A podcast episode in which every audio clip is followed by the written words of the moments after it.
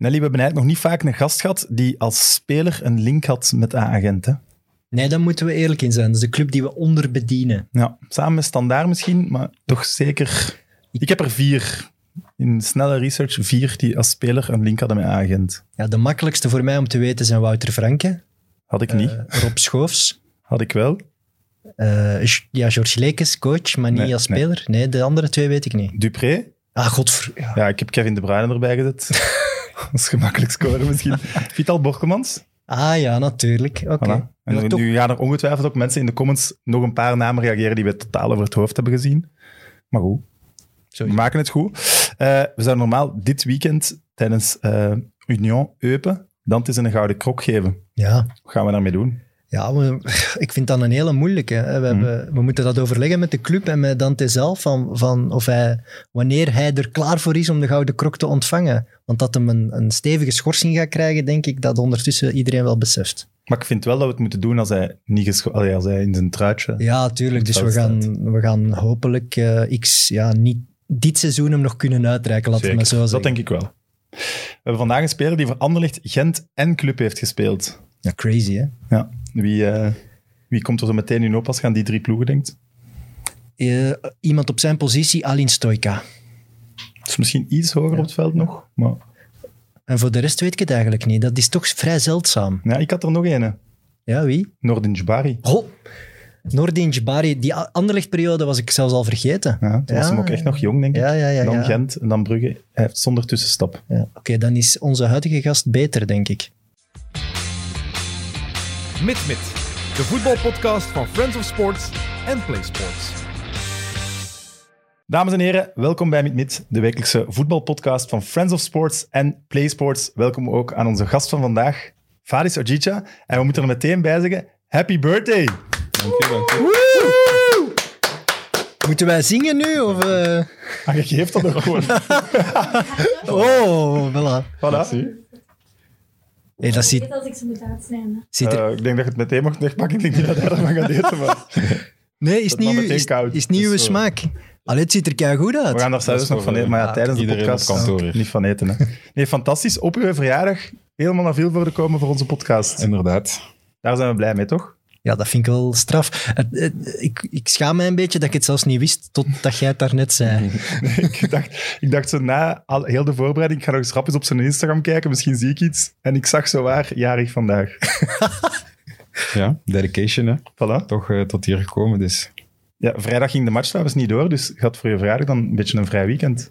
Ja, maar eh, vieren voordat je verjaardag is, is niet... eh allee, ik vind dat toch niet zo echt done. Dus eh, heb ik het rustig gehouden. En eh, hopelijk vandaag met de familie en dan eh, met de vrienden in de loop van de week. Misschien na de wedstrijd van woensdag of zo. Ja. Viert je dan nog echt, je verjaardag? Pff, Nee, niet echt. Gewoon eens gaan eten met de vrienden en gewoon met de mensen wie dat ik rond mij wil hebben, zeg maar. eh, een keer lekker gaan eten of zo. Maar echt vieren, gelijk vroeger, niet echt meer. Nee. Gelijk vroeger, dat klinkt alsof dat er toen zware uitspattingen gebeurden. Ja, als je jong bent, dan... eh Dan mag dat ook. Hè. Voilà, voilà. Dat vind ik ook. Ik zag 33. Ik verschot er wel een beetje van. Ik had eigenlijk zo 30 verwacht. Maar En nou, zeker als je ziet, mee, bent wel, Ja. je kunt 16 zijn terug. Babyface. Dat is veranderd. Ja, ja babyface. Merci voor het compliment. Ja, later gaat daar er goed heel blij mee zijn. 16, maar- Ja. Later gaat er heel blij mee zijn dat je er veel jonger uitziet. Ja, voilà. Ja. Eh, wanneer hadden jullie eigenlijk door dat de wedstrijd niet ging doorgaan, vrijdag? Ehm, we spreken altijd af eh, aan het stadion. En ehm, dan gaan we met de bus naar het oefencomplex om nog te eten en eventjes te rusten. En toen we toekwamen op het oefencomplex, zeiden ze van eh, de wedstrijd gaat niet door. Blijkbaar is er een deel van het tak eh, weggewaaid. Dus Dat is niet op jullie auto gewaaid dan. Dus ik zag zo'n foto van op de parking. nee, het, was niet onze, het waren niet onze auto's. Nee, wij staan ietske, ze hebben ons ietske verder gezet. Ja. Toch speciaal, hè? Zo daken van Gelamco. Ja, maar het is ook, in Nederland hadden ze eigenlijk al vrij snel beslist om, om alle wedstrijden Mhm. uit te stellen. En in België bleven ze zo wat twijfelen, bleven ze hopen dat het wel ging meevallen bij ons. Maar in er Nederland was het zelfs voor de mensen niet op de baan te sturen. Hè? Ook, eerst al op donderdagavond De al zelfs, denk ik. En, en dat bleek ook terecht te zijn. In Nederland was de storm nog wel erger. Dan kwam het bij ons, ja, als je dan ziet, het heeft toch vrij lang geduurd, vond ik, voordat ze die wedstrijd aflassen. Allee, dat moet toch sneller kunnen. Hm. Sowieso voor die 20.000 fans die naar de Gelamco gingen komen, was het gevaarlijk. Daarvoor alleen al kan je wedstrijd afgelast. En jullie ook. Jullie zaten eigenlijk in de matchvoorbereiding tot maar enkele uren voor de match als ze zeggen, jongens, terug naar Ja, ik huis. denk dat het rond, rond vijf uur was of zoiets. En de match was pas kwart voor negen, als ik me niet vergis. Dus allee, ik denk niet dat er al iemand vertrokken was buiten de spelers van Serrain dan misschien. Ja, dat hoop ik. Die zaten al op de ring van Ja, Brussel, het die konden terugdraaien. Ja. Ja. Maar voor jullie is het wel ambetant, denk ik, dat zo middenin toch nog die, die race naar play-off 1, dat zo'n wedstrijd wordt afgelast. Want ja, je gaat die wel moeten inhalen. Ja, het is nooit, eh, nooit leuk, zeg maar. Ik denk dat iedereen eh, gedacht had dat we die wedstrijd gingen spelen. Maar eh, ja, uiteindelijk, als de veiligheid niet gegarandeerd kan worden van iedereen die komt kijken, of ja, zelf de spelers op het veld, eh, denk ik dat het wel logisch is dat het afgelast wordt. En dat we ons er gewoon bij, bij moeten neerleggen. En eh, ja, woensdag wordt die wedstrijd gespeeld. En allee, ik denk als iedereen dan eh, veilig kan komen kijken, dat het wel oké is. Ik denk ook wel, het was vrijdag zo erg dat dat wel ook de wedstrijdomstandigheden zou beïnvloeden. Ja, Ja, Terwijl zondag in Anderlecht was het ook wel echt een stevige wind, maar was ze nog oké. Je kon nog wel voetballen. Ik denk vrijdag dat dat wel echt... ja, dat sportief in hun nadeel zou spelen om toch te voetballen. Ja, nu niet per se een van de twee ploegen of zo, maar gewoon in het algemeen. Ja, je wilt toch een eerlijke match zonder externe factoren. Ja, ik denk bij heel slecht weer dat de minst voetballende ploeg een beetje in het voordeel is. Dat denk ik Dat wel. denk ik ook. Dus dat is Serijn, wil je zeggen. Ja, ja, ja 100%. daar ga ik nu niet moeilijk over doen. Dat Serijn mindere ploeg is dan Gent, dat lijkt me duidelijk. Voilà. Eh vader is 33 jaar en eh, wie u volgt op Instagram, die ziet ook wel, je bent al wel een beetje bezig met het leven na het voetbal. Ja, Beetje een ondernemer. Begint, eh, het begint dichterbij te komen. Dus ehm, ja, ik heb al eh, een paar babystapjes gezet, zeg maar. Ehm, eerst en vooral hebben we een uh, padelclub eh, uit de grond gestampt. Geen kleine. Eh, nee, we hebben zeven velden, ook een voetbalveld, waar dat we ook eh, stages voor de, voor de kinderen en zo gaan eh, organiseren, voetbalstages dan. Eh, maar ook omnisport. Ehm, en dan daarnaast eh, heb ik ook eh, geïnvesteerd in Scarabsport. Dus eh, ja, mijn eerste stappen als ondernemer eh, zijn gezet, ja. Voilà. Wie, is, wie is we, als je zegt we? Ehm, ja, verschillende mensen. Eh padelclub heb ik met Mathies en Christophe gedaan. Ehm, twee jonge gasten die ehm, altijd daar in de buurt gevoetbald hebben. Dus die de buurt heel goed kennen. Wat dan natuurlijk belangrijk is voor de lokale verankering, zeg maar. We kennen ook heel veel mensen daar, dus dat is wel fijn. En dan ehm Scarab Sport is dan eh, met andere investeerders ook die eh, ja, het gewoon zijn om te investeren in dat soort zaken. Ehm, maar Christophe Palmeri die zit ook mee bij Scarab Sport, zeg maar. Hm. Die, de, de padelclubnaam is MVP. Ja. Staat die V dan voor Vadis? ja, Mathies, Vadis en Palmeri. Dus eh, het was heel moeilijk om een naam te zoeken. En we hebben er echt eh, dagen, avonden, zeg maar, samen aan tafel bij gezeten en gezocht. En uiteindelijk is, eh, is het daarop gekomen. Blijft wel hangen. Zet Omdat je denkt dat het over iets anders gaat natuurlijk. Allee, most valuable player. zet jij er al eens geweest? Nee, nog niet Als geweest. fervente padeller. Nee, ik volg de Instagram-pagina wel. Ja, het is, en Niels de. Stadsbader heeft een club, denk ik. Karel van Nieuwkerken was ook mee iets bezig. Tom de Sutter. Eh, Tom de Sutter. Hij heeft er eh, een paar uit in de zetten. ja, Mark Koeken eh, wou Ja. toch ook iets doen in Durbuy, denk ik. Dus, uiteraard in Derby. Zou er nog iets in Derby niet van hem zijn, vraag ik mij ook af. Nee, en ik vraag me af, die padelsport, jong, kan dat zo blijven, blijven boomen? Maar ja, ik doe het zelf ook, hè, dus ik zie het wel. Het blijft, blijft gaan. Ja, want ik moet zeggen, jij kwam hier deze middag binnengestrompeld. Echt als een oud manneke van padellen. Gisteren. Gisteren gaan padellen tijdens de wedstrijd Antwerp-KV Mechelen. Mijn twee knieën, jong. Echt, dat is verschrikkelijk hoe oud dat ik geworden ben. Raar. Dus ik zou denken dat padel is zo'n sport dat je na een voetbalcarrière nog zou kunnen, maar vadis, Dat ik is ook wel- zo. Ik denk dat alleen jij echt veel last hebt van padel. Toch? Ja, ik denk dat dat heel toegankelijk is voor iedereen. We hebben ook, eh, ja, zeg maar, oudere mensen ehm, die bij ons komen, komen spelen en heel vaak spelen zelf. Dus eh, ik denk dat het aan u ligt. En, Zet jij goed? eh, nee, goed zou ik niet zeggen. Ik heb nog niet superveel gepadeld ook. Eh, maar ik denk wel dat het een sport is als je echt tijd ervoor maakt. En eh, ik denk twee keer in de week zou het padellen. Dat je wel snel, denk ik, een goed niveau kunt, kunt halen. Het was dus wel echt als investering dat je het gedaan hebt. Ja, het is niet dat ik daarvoor eh fervent padeller was of zo. En, Nee. eh, nee. Dus eh, het was echt als investering. En ja, aangezien dat ik nu de club mede-eigenaar ben, speel ik wel meer dan vroeger. Ja. Dat wel, ja. Gaat je veel? Zet je daar dan veel te... Ik ben daar regelmatig, ja. Natuurlijk, met voetbal is het eh, is niet altijd eh, mogelijk, maar ehm, de mensen die daar regelmatig komen, zien mij wel eh, af en toe, ja. Belt je dan op voorhand naar Tom de Sutter om te horen van, is dat een goede zaak? Wat denk je? Hoe moeten we dat doen? Mm, Niet naar Tom, maar wel naar, eh, naar, naar andere mensen. En eh, natuurlijk probeer ik mij te omringen door eh, mensen die er verstand van hebben. Ook gewoon in het algemeen van investeringen en dat soort zaken. En eh, ja, Maar je hebt wel samen met Tom gespeeld bij Brugge, hè? ja ik heb samen met Tom... ja, samen, hè? we, hebben, we hebben samen gespeeld, ja. Oké. Voilà. Dus, eh, Eh, je zei het ook al, die Scarabs Sport, of hoe moet ik het zeggen, Scarab Sport. Scarab Sports, ja. Wat is dat? Ehm, dus het is eigenlijk een technologie die ontwikkeld geweest is door drie Gentse ingenieurs ehm, aan de Universiteit van Gent ook. Waarbij dat we eigenlijk eh, het cognitieve, de cognitieve intelligentie van spelers gaan meten. Ehm, dat tot op vandaag eigenlijk nog nooit eh, zeg maar in kaart is gebracht geweest. Meetbaar was Ehm, ook, zeg maar. En ook eigenlijk. niet meetbaar was, inderdaad.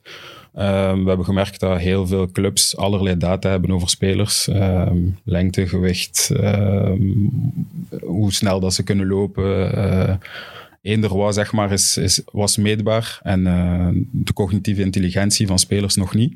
En eh, dat is iets dat wij, waar, waar dat wij nu op inzetten, omdat we zien dat dat wel de toekomst is van het voetbal. Ehm, heel goede voorbeelden daarvan zijn bijvoorbeeld Kevin De Bruyne. ehm, die zeg maar altijd rondom hem kijkt en ziet wat dat er gebeurt. En daardoor zeg maar eh, het voetbal heel makkelijk lijkt voor hem. Ja, Maar dat is frappant dat je dat zegt. Ik heb daar een filmpje van op Twitter gezien. ah, voilà. Dat ze het op pauze zetten. Dus iedere keer als hij de bal eh, ja, net gaat raken, kijkt Mhm. hij eigenlijk niet meer en kijkt hij rond zich. En bij Kimmich was dat ook. Inderdaad. Maar dat is in België gebeurt dat niet zo vaak, vind ik. Allee, lijkt zo. Ja, zij, doen- zij doen dat extreem Wat natuurlijk. wil je daarmee zeggen? Ja, dat dat... Een tip Nee, ja, voor hij- de middenvelders in de League. Kijk eens vooruit. nee, het gebeurt, het gebeurt wel. Nee, het gebeurt sowieso. En er zijn heel veel spelers die dat doen. Natuurlijk is het, eh, ja, Kevin De Bruyne is absoluut de wereldtop. En eh, het aantal keren dat hij kijkt, zal natuurlijk veel hoger liggen dan eh, de gemiddelde middenvelder in, in België, zeg maar. Ook omdat het spel veel sneller gaat waar, dat- waar, waar hij speelt. Ehm, maar ehm, ja, voorbeelden daarvan, Iniesta, Xavi bijvoorbeeld bij Barcelona. Dat was misschien nog niet zo hard opgevallen bij de mensen. En nu wordt dat wel gedaan, omdat ja, alles wordt nu... Ja, camera's zijn veel beter. Er wordt veel meer op gelet op dat soort dingen. Ehm, maar ja, dat is eh, hetgene wat dat wij eigenlijk willen meten. En eh, er wordt dan eigenlijk een test uitgevoerd bij elke speler die, die, die, die bij ons komt en in de se- setting wordt gezet. En ehm, ja, die test willen we dan ook generaliseren voor iedereen. En zo kun je zien van, dat is een goede speler, minder goede speler. Hij kan nog progressie boeken, hij niet. Ah ja, oké. Want dat is wel zeer interessant, al laatste. Hè? Van hoeveel groeimarge Ja, zit er nog op het cognitieve van een speler? Ja, dus als we nu een concreet voorbeeld zouden nemen en Kevin De Bruyne in die test zouden zetten, dan zou hij een zeer goede score hebben, eerst en vooral. Maar zijn groeimarge gaat natuurlijk veel lager liggen dan een jeugdspeler, waarbij dat hij nog zeg maar echt stappen kan zetten om dit beter te gaan doen. Dus eh, daar hoe je- test je dat dan? Want ik heb eens gezien, eh, ik denk dat dat Joris Brijs was voor Play Sports. Die is naar Dortmund gaan. In Dortmund heb je zo'n indoor Voilà, exact. cage Dus- met goaltjes zo. Voilà. Dus eigenlijk is het dezelfde setting, zeg maar. Je hebt eh, LED, LED eh, plates bij ons dan. Ehm, iets minder dan in de wall van Dortmund. Ik weet niet hoeveel dat er daar zijn. Maar ehm, je krijgt een bal toegespeeld in Dortmund. Bij ons is het gewoon één bal. En telkens is er een groene en een rode plaat. En één plaat geeft aan waarop dat je moet eh, spelen. En de, de volgende, hetzelfde, op hetzelfde moment ligt die andere plaat op. Dus jij moet al gezien hebben van... Volgende keer moet ik naar daar spelen of naar daar. En zo kun je uiteraard... eh, en de test is voor iedereen hetzelfde. Ja. Dus eh, je moet zoveel keer voor u spelen, zoveel keer achter u, zoveel keer rechts, zoveel keer links. Dus bij iedereen die de test doet, gaat je correct scoren hebben. Ja. Ik heb uit heel goede bron vernomen dat jij de beste score had van de A-agent Ik ging juist hetzelfde zeggen. Ah, We echt? hebben dezelfde bron. Raar. Het is inderdaad een heel goede bron. Nee, maar is het zo dat je ermee in contact bent gekomen dan? Ja, Als ze dus- dat bij Gent zijn komen testen? Ja, inderdaad. Dus ehm, net na de vakantie ehm, moesten we die test ook eh, uitvoeren. En, ehm, Deze zomer. Allee, afgelopen zomer. afgelopen zomer. En ja, zodoende, ik was eigenlijk geïnteresseerd in het concept, zeg maar. En eh, zodoende ben ik ze blijven volgen. En ja, zo ben ik eh, in contact gekomen met hen. En heb ik gehoord dat ze investeerders zochten en dit en dat. En zo zijn we samen in zee gaan. Het is ook wel toevallig dat als er, iemand, als er iemand een lijst maakt van de kern van de agent en zeggen van wie zou nu het beste zijn in zo'n test, zou ik u ook altijd bovenaan Ik zetten. ook. Dus- En ik weet ook wie tweede was. Oeh, Ja? dat is nieuwe informatie hier. Ja, ofwel heb ik verkeerde informatie, maar we gaan doen alsof dat zeker juist is. Ah wel, ik gok op Sven Kums. Ah, je weet het ook. Nee? Oké. Hey. Alleen nu heb ik eens een quiz juist. Zeg, wordt me dan Inderdaad. afgepakt ook. Maar dat is dan toch mid- mid-midden. Ja, gewoon iedereen die centraal op het middenveld speelt, moet toch sowieso heel veel rondkijken. Ja, het is zo dat wij, zeg maar, ja, vaak in het midden van, van het veld staan, dus we kijken wel heel vaak rond. Maar het is ook interessant voor spelers die bijvoorbeeld een linksbuiten bijvoorbeeld, gaan niet vaak de neiging hebben om naar links te kijken, Nee. aangezien dat de lijn achter hem is. Dus met die test kunnen we hem, zeg maar, wel laten evolueren naar een completere speler, door ook, zeg maar, die eh, impuls te geven van, oké, je moet ook naar de andere kant kijken. En zodoende kan hij ook evolueren om bijvoorbeeld eh, meer op positie 10 uit de voeten te kunnen, of aan de andere kant van het veld. Want ja, als je hele jeugdjaren altijd op links hebt gestaan en nog nooit naar links hebt moeten kijken, want je weet, ja, er gebeurt niks achter mij.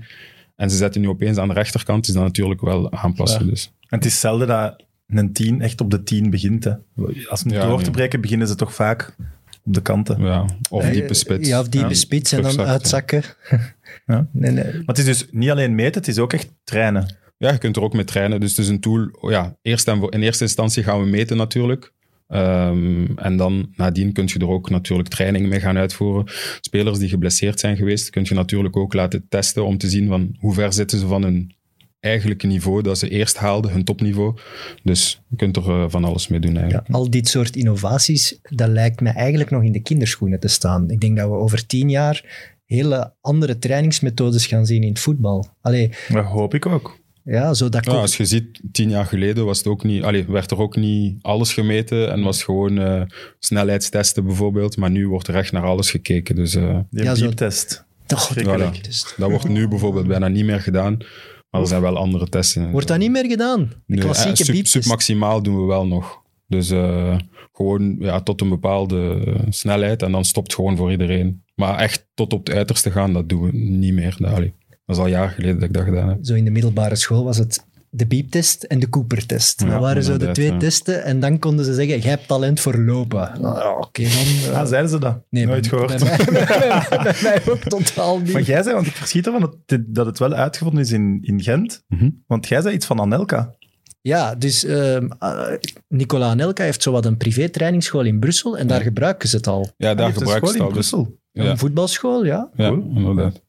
Dus ehm, er was een, een samenwerking tussen die, de, de school van Anelka, die de naam ontglipt mij nu even. Ja, niet. Ehm, en Scarab Sports, die zijn in contact met elkaar gekomen. En we hebben al enkele prototypes, waarbij dat wij ook Gent dan eh, die testen hebben gedaan. En eh, andere clubs ook in de, in de Jupiler Pro League. En ehm, dus door de samenwerking met Anelka ehm, hebben zij al gebruik gemaakt van de plates en zo. Maar ehm, Dat is wel een goede naam om, om toch meteen te hebben. Die kan de deur openzetten naar nog andere Europese markten. ja, tuurlijk. Dus voor ons is vooral belangrijk dat eh, ons product nu bekend wordt bij iedereen. En dat we dan eh, nadien ja, zoveel mogelijk jonge spelers ook laten testen met onze, onze plates.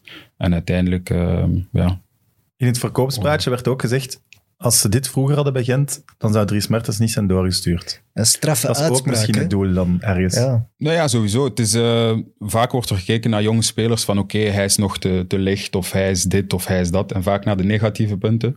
Maar ook omdat ze niet konden meten van oké, de cognitieve intelligentie bij die speler ligt zodanig hoog dat hij wel klaar zou zijn binnen dit en twee, drie jaar om op topniveau te spelen. Dus eh, een speler zoals Dries Mertens, die nu eh, ja, all-time recordhouder bij Napoli is, Mhm. ehm, zomaar wordt weggestuurd bij agent. Dat is... eh, Absurd foutje. natuurlijk. Ja, voilà.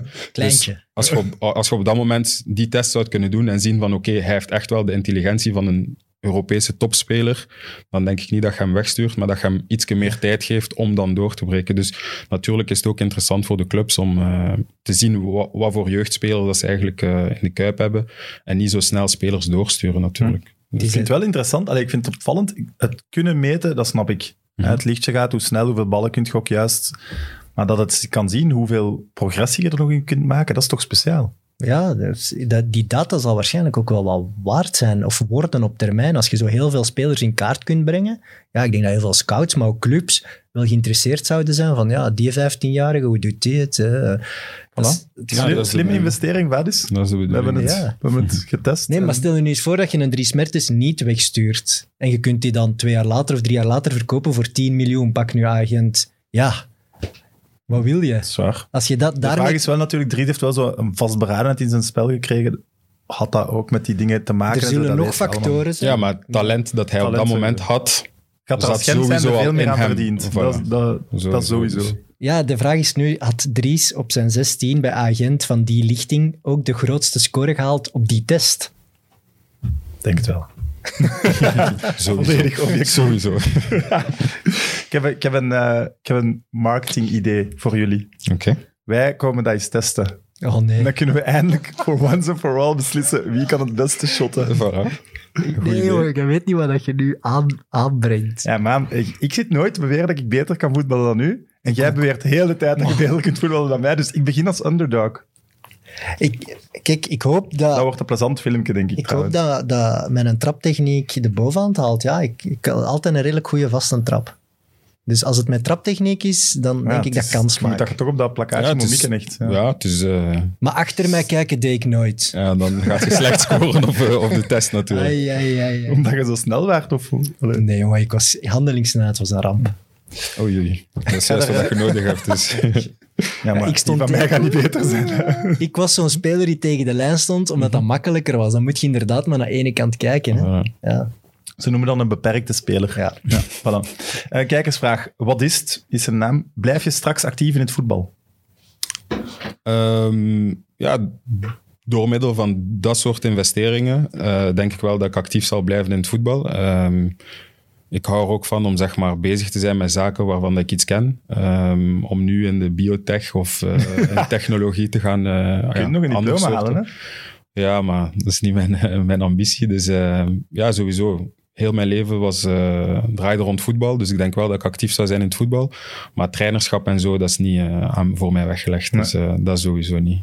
Ik heb ook altijd bij, bij u het gevoel dat je, je houdt van het spel. En, eh, en ja, van het spel bedoel ik dan. En, maar niet zozeer van wat er allemaal rondkomt. Inderdaad, volledig juist. Dus, Voilà. Eh, Mathieu Flamini is miljardair geworden, denk ik, door te investeren heel vroeg in zo'n start-up in biotechnologie. Dus ja, misschien toch Mhm. Maar misschien had hij al een diploma in, in die toch niet richting. Dus, eh, Maar, en is het ook niet Eto die nog veel meer geld heeft gewonnen met zo allemaal gsm-masten in Afrika op te kopen? nog veel meer geld heeft gewonnen dan verdiend en dat hij met voetbal heeft verdiend. Ah, ja, voilà. Eto'o? weet Ik denk Eto. Ja. Ik weet niet of je dat met padelvelden gaat halen. Hè. Zo. maar zo train, trainerschap al niet. Maar is er dan een andere functie waarvan je denkt, ja, dat misschien wel? ja, er zijn heel veel functies natuurlijk in het voetbal. Dus eh, het is moeilijk om te zeggen van ja, die functie wel of dat niet. Maar gewoon, ja, Makelaar of trainer worden de makelaar, ja, makelaar is niet zozeer. eh, ik heb niet echt de beste ervaring zeg maar, gehad met makelaars. Dus eh, dan zou je denken van ja, jij kunt het wel op de juiste manier doen. Maar ehm, ik denk dat het heel moeilijk is dat er eh, heel veel zijn die het niet op de juiste manier doen. Om dan. Snap ik. Ik ga misschien het kaas van uw brood laten eten. voilà. Dus ehm, Maar het voorbeeld eh, voor de uitzending dat we aanhaalden van eh, Steven de Voer, waar ik misschien twee, drie jaar geleden ook niet van dacht dat hij ooit in trainersvak zou rollen, die amuseert zich nu wel heel hard Dus is toch altijd heel tactisch in geweest? een T2, T3-rol. Je hoeft daarom geen hoofdcoach te worden, maar sta je wel Ja. dicht bij het veld. Nee, sowieso. Voor alles wat met jonge spelers te maken heeft en ja, zeg maar ehm, training geven aan jonge spelers, om, dat je dan ook echt ziet van oké, er zit progressie in en dit en dat. Dat zou ik wel, eh, dat zou mij wel interesseren, zeg maar. Dus ik denk niet dat ik dat ga doen, maar dat zou mij wel interesseren. Maar echt hoofdtrainer zijn, waarbij dat je eigenlijk ja, niet alles in de hand hebt. En ehm, ja, dat is niet, niet mijn ding. En eh, ik heb ook niet superveel geduld, dus eh, Niet onbelangrijk. inderdaad. Je hebt een speciale achternaam. Mhm. Ojija. En vroeger kwam dat ook nog bij Ofo, moet je het zeggen? Ofu. Ja. Huh? Maar dat is er precies afgevallen. Nee, dat is, dat is gewoon mijn naam, maar... eh, Iedereen is gestopt met dat uit te spreken. gewoon. Ja, ja, van in het begin eigenlijk uh, zeiden de meeste mensen gewoon Vadis Ojija. Um, en ja, daardoor denk ik dat dat vaak wordt weggelaten, maar het is gewoon, uh, het is gewoon mijn naam. Dus. Okay. Maar ik heb u leren kennen op voetbalmanager. Mm -hmm. Daar stond het erbij. Hè? Als groot talent. En daarom Ik zei altijd uw volledige naam. Ik zei, Ik altijd, Vadis of O. ik zei Ojija Makkelijk. of Owe, maar dat is helemaal verkeerd. ja, dat is niet... eh, dat, is, dat is mis? Ja, ah ja, oké. Ehm, je, je hebt een Ghanese vader. Mhm. Heb je een speciale band nog met Ghana? Ja, sowieso. Ehm, Gaat je vaak? Dat is een beetje moeilijker nu. Eh, ik spreek de taal ook niet. Dus eh, om naar daar te gaan, eh, ja, ga ik liever zeg maar, met mijn vader. Ehm, en natuurlijk, wanneer dat wij vakantie hebben, dan is nog altijd school. Dus ehm, hij, hij heeft nog, eh, ik heb nog kleine, eh, broer, een kleine broer en eh, zusjes. Dus hij moet er ook voor hun zijn. Dus ook examenperioden en zo. Dus het is een beetje moeilijk om naar daar te gaan. Maar ehm, ja, ik denk dat het nu drie jaar geleden is, of vier jaar geleden, dat ik de laatste keer ben geweest. Maar ik ben wel al regelmatig geweest, dat wel. Ja. Welke taal spreken ze daar? Ik dacht Engels. Twi. Maar de, de, ja, ze spreken Engels natuurlijk, maar eh, de taal van daar, zeg maar, de lokale taal Twi. Nog nooit gehoord. Heb ik nog nooit van gehoord. Nee? Ik hoor het echt in Keulen donderen. Nee, nee, ik, kan, ik spreek de taal niet. Nee. niks. Nee. Maar dat klinkt ook... Slim om te zeggen, want... Maar er zijn heel veel verschillende talen. Dus zeg maar, eh, ik denk dat er in totaal pff, 49 dialecten zijn of zo. Ah, ja. Dus je hebt Twi, Gan, Krobo. Dus het hangt af van waar dat je bent eigenlijk. En dan heb je je eigen Ja. taal, zeg maar. Die is niet, hij zijn niet van Accra. Allee, de familie is niet van Accra. Juist buiten Accra, Ah, ja, zeg maar twee uur buiten Accra. Maar nu, eh, als we naar daar gaan, gaan we wel eh, meestal naar Accra. En dan gaan we gewoon even bij de familie daarbuiten. We hebben ook eh, zeg maar een hotel van mijn vader.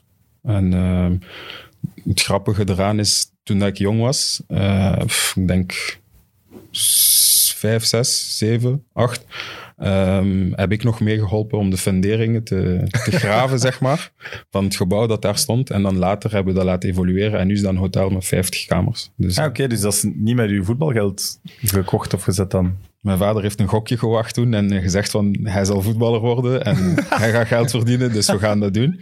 En zodoende hebben we wel eh, ja, zeg maar steeds bijgebouwd, bijgebouwd. En uiteindelijk, ja, nu is het al eh, een paar jaar, dus echt een project van super veel jaar eigenlijk. Vet. Dus, ja. Hotel Ojija. Ja, dus het ondernemen zit wel een beetje in de familie. Op zich. Ja, Ja, ik zou niet zeggen het ondernemen, gewoon ja, durven dromen, zeg maar. Mijn vader die... de definitie van ondernemen. Durven dromen. Dat- ik vind dat wel een mooie titel ook. Ja? Ik vind het wel cool dat je zoiets in, in, je, in je vader zijn land eh, mee, mee kunt ontwikkelen. Dat is wel cool, toch? Hm. Allee, Absoluut. We, komen heel veel spelers tegen, eh, eh, met roots eh, vaak in Afrika, die, die, die op zoek zijn om daar ook eens iets te kunnen doen. En jullie hebben dat al gedaan, dus dat is wel tof. Ja, nee, vind ik Zijn- ook. ga- U- Zo, de Ghanese nationale elftal bijvoorbeeld, is dat ooit? Ja, sorry, ik ben al uw vragen aan het afnemen. eh, nee, ja, dat was mijn volgende vraag. Heb je het ooit overwogen om voor Ghana te spelen? Ja, er was een moment dat ik moest kiezen, zeg maar. Tussen, eh, ja, zij belden en zeiden van ja, eh, we gaan u oproepen voor de Ghanese nationale ploeg. Maar op dat moment eh, kwam ik ook in aanmerking om bij de, bij de Rode Duivels te, te gaan spelen. En zoals ik zeg, ik spreek de taal niet, eh, wat dat moeilijk is al sowieso. Ehm, En dan, ehm, ja, En toen je die leeftijd had, zult je waarschijnlijk nog niet al te vaak naar daar zijn geweest.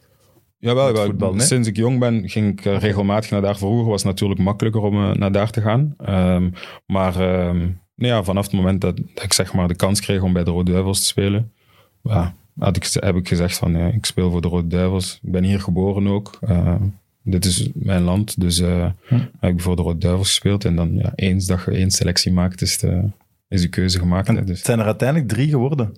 ja. Ik vind als, als, dat vind ik het meest frappante aan uw carrière. Dat vind ik weinig. Ja, het is eh, momenten. Hè? Dus eh, het moment dat ik eh, opgeroepen werd, was juist voor zeg maar, de gouden generatie. Zeg maar. En toen gingen heel veel spelers naar eh, absolute topclubs in, eh, in Europa.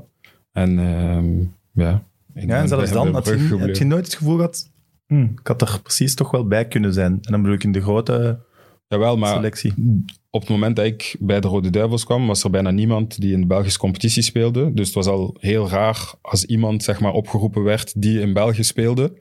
Ehm, en nu is dat heel, ja, nu zijn er denk ik allee, heel wat spelers die gewoon in België spelen en ook bij de Rode Duivels spelen. Maar vroeger was dat niet, niet het geval. En dan ja, op dat moment, als je geen eh, transfer maakte of eh, niet zeg maar bij een Europese eh, goede club ging spelen, dan was het eigenlijk al een beetje uitgemaakte zaak dat je er niet bij ging zijn natuurlijk. Dus, Ja. eh, Nee, want inderdaad, het is wel waar. Het is terug een beetje aan het veranderen, omdat de echte gouden generatie stilletjes aan zijn er heel veel met hun afscheid bezig, waardoor dat je terug, als Van Aken, Charles de Ketelaar, die komen er terug bij, maar we hebben een periode gehad van vijf, zes jaar, denk ik dat er bijna niemand was die in België speelde. Ja, af en toe nog eens een, een verdediger of een derde doelman, maar voor de rest, dat middenveld waar jij eigenlijk dan moest tegen concurreren, Witzel, Dembele, Fellaini, ah ja, ja, die De speelden... voer. De Voer, die speelden echt allemaal minstens Europese subtop.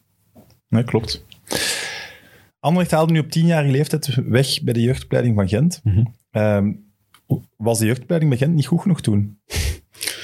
Nee. Ja, niet, niet goed genoeg, dat, dat, dat, weet ik niet. Ik allee, nu is het alleszins veel professioneler dan, eh, dan toen. Ehm we verloren heel veel wedstrijden. We hadden, we hadden een doelman die, die redelijk klein was. En eh, we speelden al in, in grote, grote golen, zeg maar. Dus de tegenstander schoot altijd zo juist onder de lat. En eh, we verloren superveel matchen. Het was En niet dan op een gegeven moment. en dan op een gegeven moment eh, had ik zoiets van: ja, pff, ik ben beu om eh, constant te verliezen, dit en dat. En ik denk een paar maanden daarvoor had uh, Anderlecht geïnformeerd bij mijn vader van ja, hij mag bij ons komen. En we zeiden van nee, we willen gewoon bij agent blijven. En dan uiteindelijk zijn we toch een keer naar daar gegaan. Gewoon op een, een dinsdag, zeg maar. Ja. een keer naar daar gereden en zeiden van ja, ja laat, hem maar, laat hem maar meetrainen. En toen heb ik één keer meegetraind met eigenlijk Sven Kump zijn leeftijd, dus een jaartje ouder. En, dat was Dries zijn leeftijd dan ook? Ja, ook ja. met Dries. En ehm, toen zeiden ze van ja, mocht, mocht nog een keer terugkomen. Dan heb ik bij mijn leeftijd meegetraind en dan uiteindelijk eh, ben ik gewoon naar daar gaan. En mocht je dan nog vaker meedoen met Kumsenlichting? Of? Nee, uiteindelijk. Uh, ja, ik denk dat op, op die dag was er misschien geen training voor mijn leeftijd of zo. Dat ik eerst keer met hun had uh, meegedaan. Maar uiteindelijk ben ik gewoon bij mijn leeftijd gekomen en dan ben ik ook gewoon daar gebleven. Um, en ook daar super... won je wel veel waarschijnlijk. Bij Anderlecht, ja, bij Anderlecht wonnen we bijna elke wedstrijd. En uh, er was altijd zo één wedstrijd in, in, in het seizoen waarbij dat iedereen zo ja, echt zijn, zijn klak er naar smeet. En dan, dan verloren we tegen Aalst of zoiets. Of ja, echt zo'n ploeg dat we normaal gezien altijd, uh, altijd tegen wonnen. Maar we wonnen allez, ja, 95% van de wedstrijden. Ja, ook, jeugd, ook, Europese ja. toernooien. Als we zeg maar tegen Olympique Lyon of zoiets speelden of echt topploegen, dan wonnen we bijna altijd. Dus uh, we hadden echt goede lichting en sterke lichting. En wie zat er dan in uw ploeg? Bij mij zat uh, Joffrey Mujangibia, ja. RVKG. Um, toen ik daartoe kwam was uh, Maroufi, Ibrahim Maroufi, die bij Inter Milan en zo gespeeld heeft. Die was daar ook. Hij is dan naar PSV gegaan uiteindelijk. Um, dus ja, Gerard Lifonja is nu uh, um, coach bij Kortrijk, die het fysieke aspect doet. Dus uh, ja, we hadden echt wel uh, een goede ja, Mugangibia, Als je zo'n middenveld in de jeugd. ja. dat is wel pittig, maar zo bij de jeugd... Dat is een vals spelen, vind ik. Nee, maar ook gewoon zeggen, heel veel spelers die het niet gehaald hebben, die geen voetballer zijn geworden, maar die toen ja, op, op, op die leeftijd van, van 11 tot 15, 16 echt gewoon top waren. Dus, uh... Ja, maar je trekt u waarschijnlijk ook wel op aan het, aan het surplus aan talent dat er in elke lichting van Anderlecht wel zat. Allee, de jeugd van Anderlecht is altijd een cheatcode, toch? In de jeugd, nee? Is Mhm. toch altijd veel beter. Ik denk dat het nu Allee. wel minder is dan ja. Is het nu minder? Nee, nee, niet per se, die, maar dat het meer verspreid zit, Ah, ja. het talent. Ja, ik denk... Nee? Er zijn, ja, vroeger was het ook moeilijk om door te breken bij Anderlecht. Dus ik denk dat er heel veel spelers dachten van oké, ja, ook al woon ik in Brussel, ik ga bij uh, Mechelen gaan voetballen of daar gaan voetballen om toch een kans te maken om in de eerste ploeg te geraken. Terwijl dat nu Anderlecht terug kansen geeft aan de jeugd. Dus ja, al talent dat in Brussel en omstreken rondloopt, sowieso bij Anderlecht uh, ja. gaat blijven nu, denk ik. Dus. Ja, ik ben zeer benieuwd hoe dat, dat gaat gaan als die belofteploegen in 1B komen, want allee, daar gaan we pas kunnen zien wat zo'n zo'n jeugdvoetbal waard is, denk ik. Mm. En ik, ik Ja, verwacht er eigenlijk heel veel van. Het was Verkouter die jullie debuteren bij Anderlecht, maar het was ook hij die precies wein, te weinig kansen gaf. Ja, ik heb niet echt gedebuteerd uh, onder hem. Dus uh, nee? ja, mijn eerste wedstrijd was eigenlijk toen dat hij ontslagen werd. Was uh, Ariel Jacobs coach. En toen hebben we een uh, bekerwedstrijd tegen Hamme, als ik me niet vergis. En uh, toen heeft hij me echt ja, erin gezet en ehm, ben ik beginnen spelen. Wikipedia heb... is weer fout dan. Ja, het kan dat zijn dat ik misschien één keer ben ingevallen of dat, zo. Ik herinner maar... mij ook wel, maar...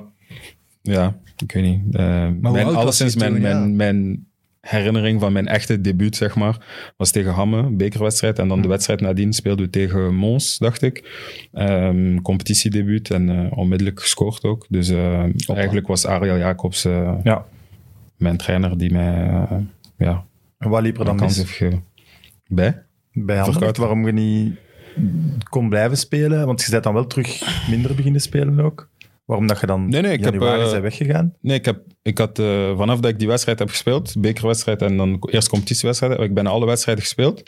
Eh, maar Ah, ik denk dat er echt anders in vijf wedstrijden of zes wedstrijden waren of zoiets. En dan was de wintertransferperiode. en dan ben ik naar Duitsland gegaan eigenlijk. Dus, Maar het was toch, je wou toch ook niet verlengen? Omdat... nee, ik had dat vond dat getekend er te in, weinig- eh, ik had dat getekend in Duitsland eigenlijk. Dus, Ah, ja, dus, dat was toen niet echt geweten, kan dat? Ja, dat zal niet, niet geweten zijn. Dus, eh, maar Ja, kom je iets te weten. Maar Ja. die, die, dat middenveld van Anderlecht, eh, als je dat terug gaat opzoeken, was ook wel ijzersterk. Had je dan ergens in je hoofd van, dat wordt moeilijk om een vaste basisplaats te krijgen? mm, ja, Dat je de vlucht vooruit nam? ijzersterk zou ik, eh, zou ik Nee, niet was- zeggen. Maar, Biglia?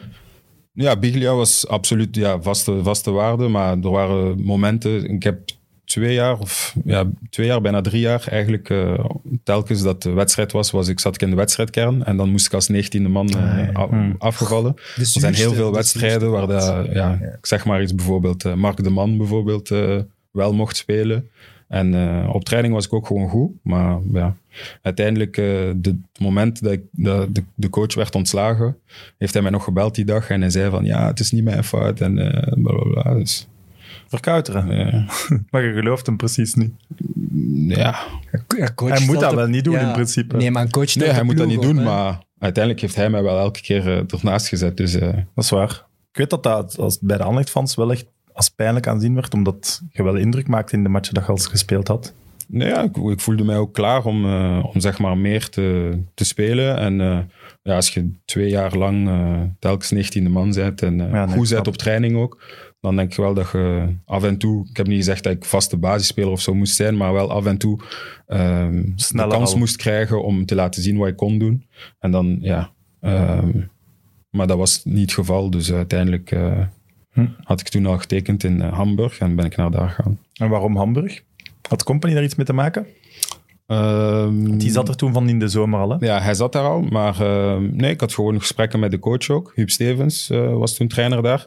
En eh, er waren andere pistes ook. Ik ben eh, bij Twente onder andere ben ik eh, langs geweest. Eh, nog andere clubs ook. Ehm, maar dat was het, conc- het concreetste, zeg maar. En de trainer had mij echt overtuigd. Huub Stevens zei ook van, ja, ik heb een project voor u, kom, ik geloof in u, dit en dat. Dus ben ik naar daar gegaan. En dan, spijtig genoeg, na zes maanden is zijn vrouw super ziek geworden. Ehm, en is hij gestopt als trainer. Dus ja, toen is heel het plan eigenlijk in het water gevallen. Want ik denk twee, drie matchen maar voor, voor Hamburg Ja. gespeeld, hè? Inderdaad. Wie was dan de opvolger? Martin Jol. Ah, Ja, hij werd trainer en dan eh, een heel andere entourage van eh, coaches meegebracht. En eh, ik denk dat hij ook drie transfers, drie Brazilianen kocht voor, ik denk meer dan 45 miljoen of zoiets. en die moeten dan spelen. ja, en waarbij ook eh, een centrale verdediger werd dan nog een keer omgevormd tot middenvelder. Dus toen dacht ik van oké, ja, Dan weet je hoe laat ik ben, eh, ik ben weg hier. Dus, eh, Martiol heeft dat bij Ajax toch ook eens gedaan, hè? dat hem daar eventjes had overgenomen en ik weet niet hoeveel van zijn eigen spelers had meegenomen. Dat deed hij wel vaker. Propere handen in Nederland. Moet je dat nu? Ah, nee, nee, nee. Coaches, coaches die, die graag hun eigen transfers doen. Hmm. En, ja, het ontslag van één trainer kan voor veel spelers meteen het einde betekenen. Ja, dat is maar raar ja, hoe dat voetbal in Uiteindelijk eh, doet hij wat hij moet doen en wat hij denkt dat het best Ja, is. Uiteindelijk was ik ook een speler van Huub Stevens dan, die, Mhm. waarbij dat hij dan iets in zag. Dus zo is het voetbal nu eenmaal. Dus. Voor u is dat wel zuur, want je vertrekt bij Anderlecht net omdat je wil gaan doorbreken en dan Mhm. gebeurt dat. Nou ja, ik, ik wist ook dat ik niet zeg maar, in mijn eerste jaar bij Hamburg onmiddellijk eh, veel zou spelen. Maar ik had wel gehoopt om zeg maar, langere periode met ehm Huub Stevens dan te kunnen werken. Ehm, omdat hij ook gewoon ja, een goede coach was en eh, omdat hij een project had dan eh, met mij. Maar ja, dat was, dat was niet het geval. Dus ja. Ja, want eigenlijk maakt het u moeilijker, hè? Door naar een grotere competitie te gaan. Ja, sowieso. Maar natuurlijk, ja, als je daar kunt doorbreken, is het, Hm. zit je ook in een andere Ja, categorie, zeg maar. eh, Aster Franks is, die trekt naar Wolfsburg. Ik had er echt schrik voor, want ik dacht, oei, amai, een serieuze stap. Hè, maar ja, hij, hij komt in die ploeg, hij blijft staan, hij speelt goed, dus zo kan dat Ja, ook ze hebben ook 10 miljoen, denk ik, zoiets betaald Ah, voor ja. hem. Dus Acht met bonussen. dus Stevige transfer. Dat was bij u minder. Jij Ja, was meer was- ja. een extra Hij speler. had nog een half jaar contract. ja, mijn contract was gedaan. Dus Hm. ehm, dat is natuurlijk ook ja, een risico dat je neemt. Maar ik denk als een ploeg 10 miljoen betaalt voor u, dat je wel zeker mocht zijn dat ook al veranderen ze van coach, wel allee, Hm. Dat de club echt een project Ja. voor heeft. Dus. Dat is wel waar. Maar dan komt En hij heeft ook natuurlijk ook, ik denk hoeveel matchen had hij al gespeeld in België, Aster Franks. Ik denk dat hij al Meer. Ja, Ja, meer dan, dan jij in die ja, tijd. sowieso, dus. Ook wel niet zoveel meer, Niet maar wel, het gaat wel al dubbel zijn. Dus, ja. Mm, meer nu. Had hij niet zo je dat? 30, 40 matchen of zoiets? 40 niet, denk ik. Nee. Ja? nee. Ja, het leek toch al alleszins al een gevestigde waarde in Ja, Mechelen. Dus. ja, dat wel. Maar ja, op het einde ging er ook wel zo wat uit. Hè. Ja, het is, dat maakt het des te opvallender. En allee, jij, jij was een toptalent, maar toch is HSV toch een gok. Want dat is wel eigenlijk hoger niveau dan Anderlecht. En toen ook echt een, een grote ploeg. Hè. Ja, toen ja, we hadden ook heel veel goede spelers. Rafael van der Vaart, compagnie, Nigel de Jong. Dus, Ja, ja, eh, voilà. Het- Dat trekt ook wel aan natuurlijk, die namen. Als je zegt, je komt in de kleedkamer met die spelers, ja, dat is ook een lokroep. Je kunt Maar jij kwam toch goed overeen met Compagnie ook? ja, is- Ja. ja, nu nog steeds. Dus eh, Ah ja, het is niet dat toen fout gelopen is zo. Maar en dan volgt Club Brugge. Mhm. En dat was eigenlijk wel een grote transfer. Hè? Ja. Dat, in België was daar veel over te doen. ja, maar dat is Anderlecht naar Brugge, toch? Dat nee, dat was niet per se Anderlecht naar Brugge. Ik vond het vergelijkbaar met vorige week als we Jelle van Dammen hadden. Die dan bij Anderlecht werd binnengehaald als een groot transfer, terwijl hij ook nog niet zoveel matchen had gespeeld. Mhm. Nee, ja, bij mij was het, eh, ik, dus ik zat in, eh, ik zat in Duitsland en eh, ja, het verliep niet zoals, zoals ik gepland had, zeg maar. En toen eh, ja, een beetje beginnen rondkijken via, via een makelaar toen. Eh, makelaar meer via mijn vader en mensen die hij dan kende. En uiteindelijk zijn we bij Club Brugge terechtgekomen. Anderlecht wou niet, zeg maar, dat ik terug bij hun kwam. Dus, eh, en toen Maar zijn we hebt wel wat gekost ook, hè? Olief? Voor Brugge, Brugge heeft toch wel fel, fel betaald. Is het niet 3 miljoen of zo? Dat vind, Dat ik, weet ik ja, niet. dat vind ik toch stevig. Ja. Ja. Voor toen. Alleen, we spreken over meer dan tien jaar geleden. Tien Ja, jaar geleden. ik weet niet, ik weet niet exact de, de prijzen dat, dat, de prijs dat betaald is. Hoezo? Je weet toch sowieso de- je transferprijs, nee? Nee, eh, op dat moment was ik daar ook totaal niet mee bezig. Nee, dat snap ik, Ehm, maar... Dus eh, voor mij was het gewoon, ja, ik wou gewoon spelen. En eh, ik had genoeg van, eh, zeg maar, op de bank te zitten en zo. En toen zijn we in contact gekomen met ehm, eh, Luc de Vroe. En hij is dan tot in Duitsland gekomen bij ons. En ehm, ja, zodoende ben ik bij Club Brugge beland. En nooit, nooit eh, getwijfeld omdat je een Anderlecht boy was? Nee, niet echt getwijfeld. Ik wou sowieso terug, terugkeren naar, naar Anderlecht ook. Maar zij hadden toen gezegd van ja, nee, eh, hij is weggegaan, dus eh, hij moet nu ook niet terugkomen. Dan ben ik bij Club Brugge beland. En na vier, vijf matchen zeiden ze van ja, het is een schande dat hij niet bij ons terugkwam en dit en dat. Terwijl dat ze niet wouden dat ik... eh, Dat was van. Olsbeek dan. Ja, ik weet niet echt wie, maar ik weet wel dat er gesprekken zijn geweest en dat, dat zij op de hoogte waren van dat ik wou terugkomen. Maar zij hebben toen gezegd van, eh, ik denk niet dat het van Olsbeek was. Ik denk dat het zelf nog boven hem was. Dus, eh, toen, eh, Oké. Van de stok dan. Het was samen met een Dortmund-speler, hè? Zijn de naam daar Ja, Ik ben, hem alweer vergeten. Voilà. Marc-André Kroeska. Ja, inderdaad. Ja. toen zijn we samen een- bij Brugge. Een groot talent van, van Dortmund. Dat was ook een straffe Hij had transfer voor eh, Brugge. meer dan 100 matchen al gespeeld bij, bij Dortmund. Hè? Is dat toch niet helemaal doorgekomen? Of ben ik nu mis? Nee, nee, nee, want die Ja. heeft daarna eigenlijk vooral in de tweede Bundesliga gespeeld. Dus Oké. dat, die heeft dat daar eigenlijk daarna nooit meer kunnen waarmaken. Terwijl Wa- voor u was het wel een goede zet. Waar herinnert je nog van het Club Brugge waar hij bij kwam? Goh, dat is een moeilijke vraag. Dat was zo de periode, eh, ja, vlak, eh, vlak voordat Michel Predom er een winning team van maakte, mag ik het zo zeggen? Vlak ja, het ervoor? heeft vijf jaar geduurd hè, Ja, to- ja. tegen dat Michel eh, gekomen is. Was het André Adrie We hebben ook veranderd van bestuur en zo. Dus eh, Garri- dat ah, is ja, heb echt een, peri- periode dat niet... Allee, zeg maar, eh, dat een woelige periode, zeg maar. Ik denk op eh, vijf jaar Club Brugge, denk dat ik acht coaches of zoiets heb gehad. Zeven of acht, ja. denk. Dan ben ik er al veel vergeten. Ja, Garrido, Garrido, Daum, Daum, juist. ehm, Koster, Koster, Predom. Predom. Eh, Philippe Clément is even coach geweest, interim coach. En dat was dan de, toen dat Bart Verhagen de club heeft overgenomen. In nu jaren is dat gebeurd. eh, ja, op het einde dan, denk Ah, ik. ja. Maar Perisic zat er. Perisic. Al. Diraar zat er al. Dirar, Akpala, Bakka ook. Bakka is toegekomen. Het is toch eigenlijk een ploeg waar, waar meer in zat. Ja, sowieso. Als we, we, als, we, hoeveel prijzen ermee gehaald zijn, ja, toch als, wij, teleurstellend. als we op dat moment met Predom hadden gewerkt, maar dat was zijn wonderperiode bij Standaard dan, denk ik toen, met Fellaini en zo. Als hij bij ons was als coach, met al het talent dat we toen in de ploeg hadden, denk ik wel dat we... ehm, maar zoals ik zeg, het was een super woelige periode en ja, op een gegeven moment herinner ik mij dat we, denk 12 transfers of zoiets gedaan hadden eh, tijdens de zomertransfer. en dat er maar twee speelden of zoiets. Dus ja, Ja, dat was toen zoeken Club Brugge. hè. Ja, en dat was ook... De, pas op, je vergeet ook hoe de concurrentie toen in elkaar zat. Ja, Anderlecht Standaard was toen supersterk. Ja, Standaard supersterk. Dat was, Gent was aan het komen. dat was echt wel zo'n periode dat, dat Brugge het, het moeilijk had, denk ik, om echt zo die, die bepalende sterspelers aan te trekken. Maar wat, we, allee, we zijn wel vaak tweede of derde Ja, geëindigd. Dus ja, we waren er wel dichtbij. Maar uiteindelijk, eh, ja, het was... We hadden ook niet... Zeg maar, echt zo'n goalgetter. Of het mankeerde wel, elk jaar mankeerde er wel iets, zeg maar. Dus Lekes. Lekens ook je ook coach gehad, ja. Tuurlijk. Voilà. Dan zoeken we er nog één of twee. We Als- gaan er nog komen. Als voel je zegt, ben je al... Dan zeg ik Altijd 9 op de 10 juist. keren. Zeg je dus. was, was Predom de beste trainer die je hebt meegemaakt bij Club Brugge? Garrido was ook supergoed. Uh, beginjaar van, allee, het eerste jaar met Koster was ook, speelde ook eh, heel goed voetbal. Superleuk voetbal, ja. Ja. Ehm, met Garrido maar ook, inderdaad. Garrido speelde echt heel goed voetbal eh, ook. Dus, eh, maar dan uiteindelijk met Predom was het echt, eh, ja, denk ik wel het beste, zeg maar. Maar was, is Garrido niet moeten gaan voor Predom? Maar Garrido is vertrokken, Ja. ja. ja. Ik denk dat hij eigenlijk, als Predom niet vrij was geweest, dat hij misschien nog langer had kunnen blijven.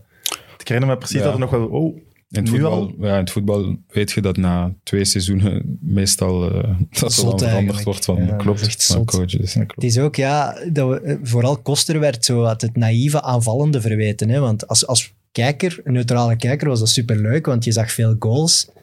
Maar ja, ja, je moet ook matchen ja, winnen. De verdediging dat we toen ook hadden was... Allee, was hij Hoefkes en zo. Nee? Ik denk dat Karel toen erbij gekomen is om zeg maar, de verdediging te versterken. Eh, maar toen, ja, eh, Alcaraz eh, was er toen. Nee, Oscar Duarte, Duarte, Klukowski en zo. Almebek. Ja, Almebek hebben we ook nog even gehad. Dus eh, Ja, dat was niet, dat is misschien niet het niveau. totaal andere Ja, verdediging dan dat ze nu bijvoorbeeld hebben. En je wordt kampioen met je verdediging. Zeggen ze toch Dat wordt gezegd, ja. Voilà. Kijk, kijk maar naar Union, hè. die krijgen, krijgen super weinig goals tegen. Hè. Dus dan doe je als verdediging toch iets worden juist. misschien. Ik heb hier iets leuk, een leuke vraag voor u. Staat KV Mechelen bekend voor hooliganisme? Eh, staat KV Mechelen in de jaren 80. in de jaren 80 was er de befaamde S-side. We hebben ja, een paar jaar geleden het, het jammerlijke geval met Ilai Maharitra gehad natuurlijk. Maar over het Maar- algemeen hebben wij geen groot uh, hooligan-kern. Want het is, niet. ik vind het echt een zot filmpje.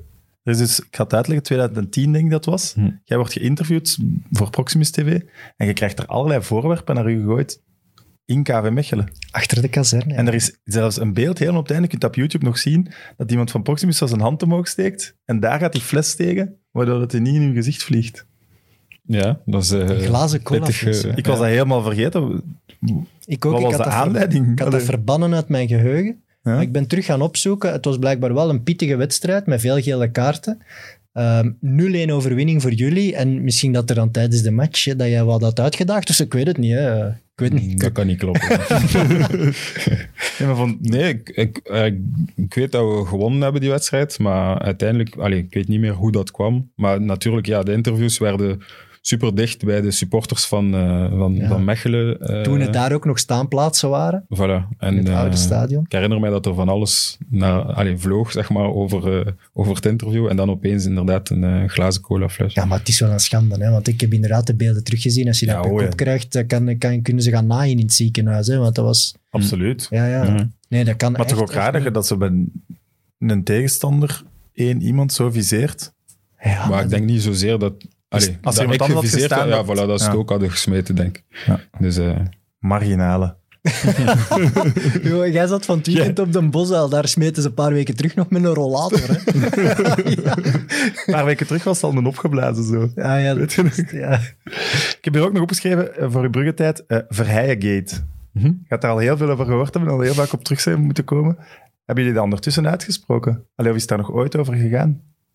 Nee, ik ben hem wel al tegengekomen en eh, gewoon hallo gezegd tegen elkaar. En eh, ja, uiteraard heb ik eh, toen een fout gemaakt en dingen gezegd die ik niet moest zeggen. Maar ehm, ja, Heat of the moment. voilà, ik zei jong en Verheyen had wat kritiek op uw prestaties en je had blijkbaar dan als reactie gezegd? Wat heeft Verheyen eigenlijk bewezen? Ja, niet zozeer kritiek op mijn prestatie, denk ik, maar het ging, het ging alleszins iets, zo- allee, het ging over mijn vader of zoiets. Ehm, en ja, dat hij mijn, mijn makelaar was, of ik weet niet meer juist wat. En ik weet niet, dat heeft mij zo een beetje getriggerd. En toen had ik, eh, heb ik dingen gezegd die ik niet Je zegt niks over de familie. Dat is een grens. Nee, ja, gewoon ook op dat moment. eh, ik weet nog goed dat eh, er was een wedstrijd. Dat, ja, gewoon een normale week na de wedstrijd toe, zeg maar. En opeens had Adrie Koster mij uit selectie gezet. Dus eh, zonder enige reden of uitleg of wat dan ook. Er was ook niks gebeurd of zoiets. Dus ja, ehm, en toen kwam die kritiek. Dus dat was zo'n beetje en-en. Hm. En eh, toen ja, had ik een interview gegeven. En, En gaat je dan niet naar Adrie Koster van waarom zit ik niet in de selectie? Jawel, maar zoals je ziet, eh, was het een beetje. eh, zei ik niet de zinnigste dingen, dus was het misschien beter dat ik niet, eh, niet, Oké. niet naar hem ben. Zelfkennis ook. Ja, vanuit. Ja, want dat heb ik ook teruggelezen, inderdaad, dat eh, je uit de selectie was gezet, omdat je, en dat zei Verheyen dan, omdat je niet professioneel voor je za- vak zou leven. Maar dan zou je toch geweten hebben wat je gedaan had, als je zegt, ik was te laat op training of zo. Ehm, nee, ja, maar dat was zo'n periode dat alles, eh, zeg maar, allee, zo- zeker voor mij, misschien voor heel Club Brugge, maar ik had alleszins het gevoel dat zeker mijn zaken super uitvergroot werden en ik vaak verweten werd van eh, dat ik eh, niet voor mijn vak leefde en dat ik dit deed en dat deed. En de auto die ik kocht was niet goed en dat hoorde niet bij mijn leeftijd en dit en dat. En eh, ja, sinds ik jong ben... man ook. Ja, pff, Nee? ik- ja dat gevoel, alleszins dat gevoel. Nadien had ik alleszins dat gevoel. Maar ehm, ja, sinds dat ik jong ben heb ik zoiets van: oké, als ik op voetbal ben, dan probeer ik professioneel te zijn en doe ik wat ik moet doen. En daarbuiten probeer ik ook zeg maar, op tijd te gaan slapen en dit en dat. Maar als de kans er is om een keer weg te gaan, en je bent jong en je wilt weggaan, dan, dan ga ik dat ook doen. En dan ga ik mij niet zeg maar, eh, wegsteken zoals sommigen doen om dan stiekem te doen. Ik ben liever eh, in your face. En als ik ga doen, dan mag iedereen zien dat ik het gedaan heb. En, eh, terwijl de anderen het misschien ook deden, maar zich dan wegstaken en dit en dat. En op dat moment werd gewoon, ja, alles wat ik deed was fout. En eh, ja, zodoende kwam van het een het ander, zeg maar. Dus, En nu je 33 bent, doorheen je carrière wel veel blessures gehad. Mhm. Kun je dan nu zeggen, dat was niet mijn fout, dat was eerder de natuur? Je hebt mensen die sneller geblesseerd zijn, denk ik. Of nee, ja, ik had er zeker, in, zeker, doen. in mijn tijd bij Club Brugge, de blessures die ik toen had, waren... ik heb mijn middenvoetsbeentje gebroken, dus een stressfractuur. Dat allee, kan Ja. op elk moment gebeuren, Ja. zeg maar. Ehm maar dan nog eh, op training een onschuldig duel, waarbij dat mijn eh, scheenbeen eh, vast Ja. zat op mijn kuitbeen. eh, duel kan weinig met levensstijl te maken Ja, hebben. voilà. Dus eh, het is niet dat ik spierblessures eh, had of zo. Dus, eh, dus ja, maar toch ja, werd mij dat ver- verweten, zeg maar. Eh, ik weet nog goed dat we een wedstrijd hadden eh, met Michel. Eh, en eh, er waren geen middenvelders meer. De meeste waren geschorst of eh, geblesseerd. En eh, ik had net mijn, eh, een spierscheur opgelopen in mijn, in mijn quadriceps. Maar het was al, ik denk, een week of tien dagen verder of zoiets. En ik voelde me beter. Maar ik was in Brussel geweest bij, een, ehm, bij iemand om een scan te nemen. En hij zei van, eh, ja, het is toch nog een risico, maar ik zie dat het al veel beter is. Dus ik ben naar de trainer geweest en ik heb gezegd van, luister, ik zie dat er geen middenvelders zijn. Ik wil proberen op training. En als het lukt, dan kan ik, kan, ik, eh, kan ik spelen. Want we moesten tegen Genk spelen. En het was een belangrijke wedstrijd. We konden nog meedoen voor de, voor de titel. Dus eh, ja, tegen beter weten in, zeg maar, heb ik toch meegedaan aan de training en alles verliep supergoed. En eh, de laatste bal van de training, zeg maar, komt echt perfect voor mijn rechtervoet en ik geef er een patat op. Echt juist naast de kruising, maar ik scheur volledig mijn, mijn, mijn, mijn quadriceps. En ja, op zo'n moment dacht ik ook van, ik wou gewoon goed doen voor de ploeg en eh, toch Ja. helpen, zeg maar, om in het weekend eh, beschikbaar te zijn voor de trainer.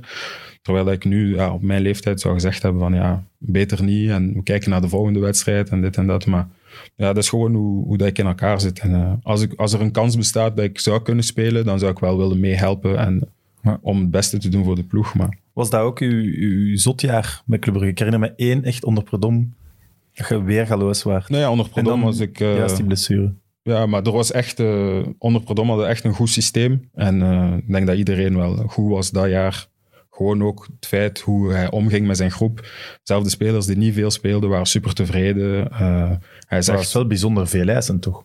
Ja, hij is veel eisend, maar hij is echt een, eh, ja, ook gewoon zijn sociaal contact met de spelers en hoe hij omgaat met spelers naar de buitenwereld kan hij misschien heel eh, hard Gek. overkomen en gek Ik vind overkomen. ook gek, ja. Maar naar Langs zijn spelerstoel kan was hij- hij echt eh, Ja. ja. aimabel en echt supergoed. En ook de manier waarop hij wou spelen, het systeem dat hij had, was echt supergoed. En daardoor dat iedereen gewoon eh, extra uit de verf kwam, zeg maar. En hij wou ook niet dat ik wegging van, van Brugge. Maar ja, zoals ik zeg, op dat moment was het al een beetje op voor mij. En hij heeft mij dat ook gezegd van, ja, blijf alsjeblieft. dit. En dan ik zei, nee, want nu moet ik echt... eh, Hij wou dat je bleef. ja, toen. En jij Ja, zegt, waarom vind je dat zo raar? Dat was dan een beste speler misschien wel. Ah ja, maar dan, je voelt toch dat er met die ploeg iets te winnen valt? Nee, in, als je Ja, zou blijven? Maar zoals ik zeg, alles wat ik deed op dat moment werd uitvergroot. En ik had zo, ja, ik had... Ik denk dat Club Brugge genoeg had van mij en ik had ook genoeg van Club Brugge op dat moment. het bestuur, maar de coach zelf niet dan. ja, bestuur, supporters, gewoon... Ik, had, ik was daar ook al vijf jaar, hè. Dus eh, Ja, Ja, dat dat is niet kort lang. geweest. En je had in 2012 de transfersoap die zomer. mhm, afspringen. juist daarvoor, ja, inderdaad. Ik denk dat dat ook mentaal wel... Want je, je waart, vooral duidelijk, die zomer veel... Allee, er werd veel gesproken over Porto en Fulham Mhm. ook. Nee, Everton. Ik zou naar Everton Ja, gaan. maar normaal. dat ging dan niet door en de laatste dag kwam Everton plots. Ja, dus eh, ik, ik, ik ging sowieso eh, een transfer maken. En de coach was toen eh Jos Lekens. Dus ik denk twee weken voor het einde van de transferperiode zei hij tegen mij van oké, we zien dat er iets gaat gebeuren. Hè, dus ik ga je niet meer laten spelen. Dus ik ging mee naar de wedstrijden, maar ik moest in de tribune gaan zitten omdat ik niet meer mocht meespelen, zo gezegd. En dan eh, bleef het maar aanslepen. En eh, ik denk tien dagen voor het sluiten van de transferperiode belde ik naar iedereen die in het bestuur zat van Club Brugge of naar de trainer en niemand nam op. En dan eh, de laatste dag van de transferperiode, ik denk 30 minuten voor het sluiten van de transferperiode, belt er iemand, ah ja, het is goed, je mocht nu vertrekken. En toen moesten nog alle papieren bellen naar Engeland, zeggen van oké, ja, het is oké, we kunnen gaan, dit en dat. En zodoende zijn we eigenlijk te laat gekomen. Denk, denkt je dan dat dat expres is gebeurd? Ja, als je twee weken op voorhand niet meer speelt met de ploeg, omdat ze weten dat je een transfer gaat doen en dan uiteindelijk eh, drie minuten te laat bent, dan ja. Bizar. Ik snap wel dat, dat, dat je daar dan wel moet overzetten. Dat dat wel Ja, en je vraagt je af waarom, een, een dat, litteken is, zeg maar. waarom dat een club zo zou handelen, want ze weten, allez, ze weten toch dat ze een beetje een kapitaalsvernietiging doen. Want Mhm. en één, je pakt de transfersom niet, en twee, je beste speler is ontevreden. Want hij is niet weg. Dat klopt. Ja, bizar. Ik ben nu aan het denken, wat is Predom nu aan het doen? Zit niet meer in standaard Nee, niet meer in standaard, nee. Aan Maar eh, ja. Denk ik. Nee, die heeft geen officiële functie ergens, denk ik. Denk het ook niet. De laatste keer dat ik die zag was in dat programma op VT4 waar zijn zoon aan meedeed. Kopjacht. Ja. Daar dat is de laatste keer dat ik Predom Ah, gezien heb, denk ik. Die zit ook niet meer op de tribunes of zo. Hè? Nee. Misschien heel af en toe, maar toch niet dat ik gezien heb. Nee. Nee. Ik snap wel als het op is. Maar zo technisch directeur of zo, of, of ik weet niet, of bondscoach, of ik weet het niet, zoiets. Ja, voilà. Dat zie ik die nog wel doen. Je hebt ook nog twee dingetjes bij. daar. Moet ik zeker, ik ga het in het Play Sportsuur nog doen. Ik heb twee truitjes voor jullie mee. Eentje van Scarif Sports Voilà. en eentje van Agent. voilà. Dat is lief. Dat gebeurt niet vaak dat er een gast eigenlijk zijn truitjes cool. meeneemt. Mag ik... Dus voilà. Kies maar. Dat is eigenlijk zoals tracteren voor je verjaardag in de klas. Voilà, inderdaad. Je mocht dat ander ook pakken. Hè. Oh, ik, kan maar daar niet, ik kan daar niet bij. Alsjeblieft. Ja, maar nee, ik was aan het zien. Het is gehandtekend en al, jong. Deze. En dat moeten we dan weggeven. Ja, sowieso. Of wil jij dat bijhouden voor Nee, onze nee. eigen collectie? Ja, jij hebt een speciaal truitje van mij aan. Hè? Waar ja, nu we het zelfs nog over gaan hebben. Maar... Ah, oké, dat is nog een, een cliffhanger. Ja, voilà. Heel mooi. Want we moeten afscheid nemen van de Play Sports kijkers. Eh, als jullie het leuk vinden, jullie kunnen verder kijken op het YouTube-kanaal van Play Sports en verder luisteren op de podcastkanalen van Friends of Sports. Heeft onze gast van volgende week al bevestigd. We gingen die eigenlijk vorige week zetten. Jij moest dan regelen dat hij die heeft nog niet bevestigd, hè? Ik, ik hoop dat het in orde komt. Het is, het is een topspits met dubbele nationaliteit Braziliaans-Belgisch. Ja, dan weet iedereen al met u overdrijven wie, over wie het gaat. Hè? Enfin, goed. Tot volgende week. Eh, afgesprongen transfer in 2012 zaten we. Dan 2014 lukt het wel, transfer naar Engeland. Norwich.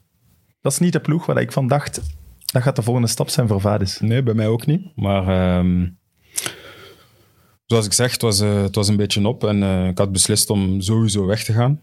Ehm, en dan ja, was gewoon even wachten tot wat dat er zeg maar, uit de bus kwam.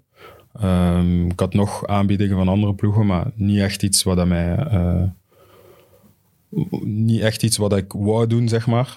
En eh, het feit dat ik toch eh, naar Engeland kon gaan, opnieuw bij een trainer die zeg maar in mij geloofde, Wie was mijn keuze Alex, Alex Neil. Oké. Ehm, dus ehm, ja, ben ik naar daar gegaan en in het begin ging alles goed. En dan, ik denk in mijn eerste basisplaats, of verplaatsing in Millwall, eh, ben ik geblesseerd geraakt. En ik dacht van oké, ja, het zal een week of twee zijn en dan ben ik terug fit. En uiteindelijk ben ik drie maanden, eh, bijna drie maanden heb ik aan de kant gestaan. Ondertussen was er een andere coach gekomen opnieuw. En eh, ja, een beetje hetzelfde verhaal. Dat is wel altijd... Toch mentaal moet dat wel hard wordt. zijn, toch? Ja, dus het is voetbal, hè. Dus eh, uiteindelijk... Ja, eh, maar dat, dat is voetbal, oké, ja. Maar toch, jij zit daar wel in die situatie. Hm. Je gaat speciaal No- naar die mag me tegenspreken, maar dat lijkt me nu ook niet de tofste stad om te wonen. Ik ben er nog nooit geweest. Ja, het is eh, een uur en een half, twee uur van Londen. Dus eh, ja, je kunt wel eh, regelmatig naar Londen gaan, zeg maar. Maar ja, het is een beetje eh, ja, platteland in, eh, in Engeland. Eh het is ooit de hoofdstad geweest van Engeland, trouwens. Echt? Ja, we leren hierbij. dus, eh. Ja, Dus, ik leer er eh, iedere week bij. Maar dus ehm, nee, ja, het was, eh, was wel een leuke periode ook. Ehm, Want jullie worden toch kampioen? ja, Of nee, jullie we, zijn, we, zijn, we zijn gepromoveerd. Ja. Ja. We zijn geen kampioen gespeeld, we zijn gepromoveerd. Ehm, dus vooral heel de rest was dat een heel fijn seizoen, maar jij was geblesseerd. Ja, ik was eh, ja, na mijn, pff, ik denk, vierde week of zoiets, vijfde week, een paar invalbeurten. En dan mijn eerste basisplaats ben ik ge- gekwetst geraakt. En dan eh, nadien ja, eh, viel de resultaten een beetje tegen. En zij wilden absoluut overgaan. Dus hebben, zijn ze dan veranderd van coach. Ehm, en we deden het uiteindelijk nog, nog goed. Maar natuurlijk, ja, mijn nieuwe coach, eh, hij, hij wou vooral met echt Engelse spelers voetballen. die misschien iets minder technisch waren en zo. Maar vooral ja, het Engelse voetbal kende. Championship is ook geen makkelijke competitie. nee, zeker niet. Dus, Heel veel matchen ook. ja, en vooral kick and rush ook. Dus, eh, en dan eh, uiteindelijk eh, zijn we toch gepromoveerd. En, eh, Dat is ook het ding, als ze dan de resultaten goed worden, wordt het ook moeilijker en moeilijker om je er ineens in Ja. te zetten. Voor die trainer dan. ja, de trainer heeft dan zo... Ja, hij krijgt meer krediet zeg maar, van de club om dan te doen wat hij wil. En zijn keuze staat dan eh, eigenlijk. Dus eh, uiteindelijk eh, heb ik hem toch kunnen overtuigen. Ehm, als ik terugkwam van een uitleenbeurt eigenlijk, van een maand in, eh Zot de verhaal. Dat heb ik hier ook nog beschreven, dat moet je me eens uitleggen. Gek verhaal inderdaad. Hoe kun je uitgeleend worden voor een maand? Maar dat kan in Engeland... eh, Maar en dat was nu, zelfs... nu niet meer, denk ik. nu niet meer? Nee, Ah, ja. enkel eh, doelmannen, denk ik. Maar vroeger kon dat... Kon Want dat was zelfs buiten de transferperiode. Hè? Nee, nee, Nee? Het moet binnen de transferperiode gebeuren. Maar je mocht wel teruggaan naar uw moederclub. dan. Ah, maar was het dan afgesproken of was de huur ook binnen de transferperiode? Nee, nee, de huur was buiten transfer. Maar Ja. de, de begin, zeg maar, moet beginnen in de transferperiode. Ehm, en dan het was al van in nadien kun je ook emergency loans doen, zeg maar. Maar de- ik denk dat het enkel nog voor doelmannen is, niet meer voor spelers. Ehm, dus ja, com- eh, de competitie begint opnieuw. Ja, eerste voorbereiding en ik speel een supergoeie voorbereiding. En de trainer geeft mij ook echt eh, meer en meer speelkansen, zeg maar. Dus eh, ja, ik was super blij. En hij zei ook van, ja, je verdient echt een basisplaats en eh, dit seizoen gaat beter zijn voor u. Premier League is iets makkelijker dan Championship. Dus ik dacht van, oké, ja, Iets makkelijker, dat klinkt wel ik, snap, goed. ik snap wel wat ze bedoelen, ja. ja, dus ehm, ik dacht van, oké, ja, ik zit terug op een, een goed spoor, zeg maar. En eh, uiteindelijk waren er een paar spelers die verkocht moesten worden. En de trainer zei van, ehm, ja, als ik hun nu, zeg maar, uit de selectie zet, daalt hun waarde. Dus moet ik hun op de bank laten zitten. Maar geloof mij, binnen dit en twee, drie weken eh kom je erin en geef ik u sowieso de kansen, want je hebt een supergoeie voorbereiding gedaan. Dus ik dacht van, oké, ja, even geduld hebben en dan eh, komt het in orde. En dan, eh laatste dag van de transferperiode, was er bijna niemand verkocht. en belt hij mij en zegt hij van, ja, je moet nu naar het stadion komen. we gaan u uitlenen voor, voor één maand. Gewoon om een beetje matchritme op te doen. maar net daarvoor hadden we voor de beker tegen Rotherham gespeeld. En eh, ik ben zijn naam kwijt van die coach. Super, eh, super zware coach in eh, Engeland. Met zijn dikke Rolex zo. Ken je die niet? Bruce. Nee, niet. Bruce. Nee. Nee. Ik ga het straks, eh, ik ga het straks een keer opzoeken. Dus hij was daar trainer en we hadden gewonnen en ik had een goede wedstrijd gespeeld. En hij zei van, ja, ik wil die speler bij mij, bij mij hebben. En de trainer had gezegd van, ja, bij mij komt hij niet aan de bak op dit moment. Dus eh, ik kan hem voor één maand bij u sturen. Dus ik, samen met een Franse speler, eh, Tony noemde hij, ehm, zijn dan naar daar vertrokken. Hij moest voor zes maanden en ik moest voor één maand naar daar gaan. Dus laatste dag van de, van de transferperiode zegt hij mij dat. En eh, ja, op dat moment kan ik geen nee zeggen, want als ik nee zeg tegen mijn trainer, gaat hij mij niet meer opstellen gedurende heel het seizoen. Dus ja, was ik bijna verplicht om te zeggen van oké, ik ga mee in wat dat jij voor mij, allee, wat dat jij wilt dat ik doe. Dus eh, ben ik naar daar vertrokken. Ik denk dat we daar vijf matchen gespeeld hebben. Ehm, die ploeg had, ik denk, drie punten of zoiets op eh, tien wedstrijden of zo. Ehm, uiteindelijk, toen ik daar vertrok, hadden we, ik denk, elf of twaalf punten. Dus we hadden echt goed ons, ons best gedaan, zeg maar, met twee. En eh, de trainer van Rotterdam zegt tegen mij, ja, ik heb gebeld met uw trainer en eh, hij heeft nog steeds geen plek voor u. Dus blijf nog maar eh, bij ons, we kunnen verlengen. Dus ik zat een maand op hotel en ik was in mijn kamer en ik dacht... Dat wou ik ook nog vragen. Je verhuist toch niet voor een maand? Nee, ik zat daar op Hotel dan. Dus al mijn spullen zaten daar. En ik dacht bij mezelf van, ja, pff, hier kan ik echt niet, niet, niet langer blijven dan dit. En dan heb ik gewoon midden in de nacht al mijn spullen gepakt, teruggereden naar Norwich en gezegd tegen de trainer van, luister, ik ben hier. Of dat je het wilt of niet wilt, maakt mij niet uit. Ik blijf hier en eh, ik ga vechten voor mijn plaats. En hij zei van, ja, maar op dit moment heb ik geen plaats en de ploeg draait en dit en dat. Ik zeg van, geen probleem. Eh, mijn, mijn tijd zal wel, zal wel komen. En dan, ja, paar maanden nadien heeft hij mij toch eh, de kans gegeven om eh, in de Premier League te spelen. Maar vanaf dat het dan eh, fout liep, zeg maar, eh, heeft hij mij eruit gezet. Dus. Je ziet het dan toch wel, allee, met alle respect, die mannen die beslissen eigenlijk over je carrière. Over je leven. Ja, die zeggen eigenlijk wat je moet doen. Die Als zeggen letterlijk, ga je uit, je, uit je valies op een hotelkamer een maand Ergst, leven. ergst van alles, de, de, op het moment dat ik terugkom bij, bij Norwich, ehm, ja, begint hij een beetje onder druk te staan. We winnen niet veel in de Premier League en dit en dat. En we spelen thuis tegen Southampton. En eh, ik weet niet, op die dag had ik het gevoel van oké, vandaag gaat mijn, gaat mijn kans komen. Dus eh, na 50 minuten, 60 minuten ehm, zegt hij tegen mij van oké, eh, ga je opwarmen. En eh 60ste minuut kom ik erin. Ik speel echt goede wedstrijd en ik doe een actie aan de zijkant. Eh, ik speel iemand tussen zijn benen, geef paas, doelpunt. We winnen met 1-0. Dus op dat moment heb ik de coach zo'n beetje gered, zeg maar. Terwijl dat hij mij totaal geen kansen gaf. Na die wedstrijd dacht ik ook van fuck, Ja, maar ja, wat moet je doen? ja, Ja. je weet niet wie dat de volgende coach is ook. Dus uiteindelijk, Ook nadien eh, heb ik wel meer kansen gekregen om te spelen. Ehm, maar dan, ja, wedstrijd tegen eh, Bournemouth, denk ik. Die waren goed op dat moment. Verliezen we met 3-0, denk ik. En eh, nadien was het weer, ja, ik eruit. En terwijl dat niet per se mijn fout was of, of wat dan ook. Maar ja, hij probeerde gewoon te roteren of andere spelers. Dus Rotherham. Waar ligt dat zo? Ah, ik weet het niet. Sheffield. Ah ja. Ah, ja. Evans, Steve Evans. Steve Evans, ja. Oei, dat was nooit opgekomen. Nee. Maar het Nee, een dikke. in Championship super. en eh, we spelen een, ding, een, eh, een wedstrijdje onze ons, oefenwedstrijd. En ik was daar, ik denk, één dag of zo, of twee dagen. En eh, ja, we spelen op een, een heel veld. En ik krijg de bal tussen de, de middenlijn en de 16. En ik geef echt een patat recht in de winkelhaak. En hij zo, well done my son, well done. dus vanaf dat moment kon ik niks meer fout doen bij hem. Dus. Mooi. Zo, dat- Behalve vertrekken dan. Ah, die championship, dat lijkt me toch ook wel best een romantische competitie, nee? Absoluut. Ja, romantisch, Veel eh, folklore, nee? Ja, sowieso. Voor veel fans ook. Super, ja, super veel fans en eh, super, super hard bekeken ook. Eh, de wedstrijd die wij spelen om op te gaan naar de Premier League was op dat moment de duurste wedstrijd eh, in de geschiedenis. Ik denk 120 miljoen dat er op, op het spel stond. Ja. Dus dat is tegen Middlesbrough. Dus, maar Championship is sowieso wel een leuke competitie om te spelen, maar het is natuurlijk wel super hard en... Niet voor u toch?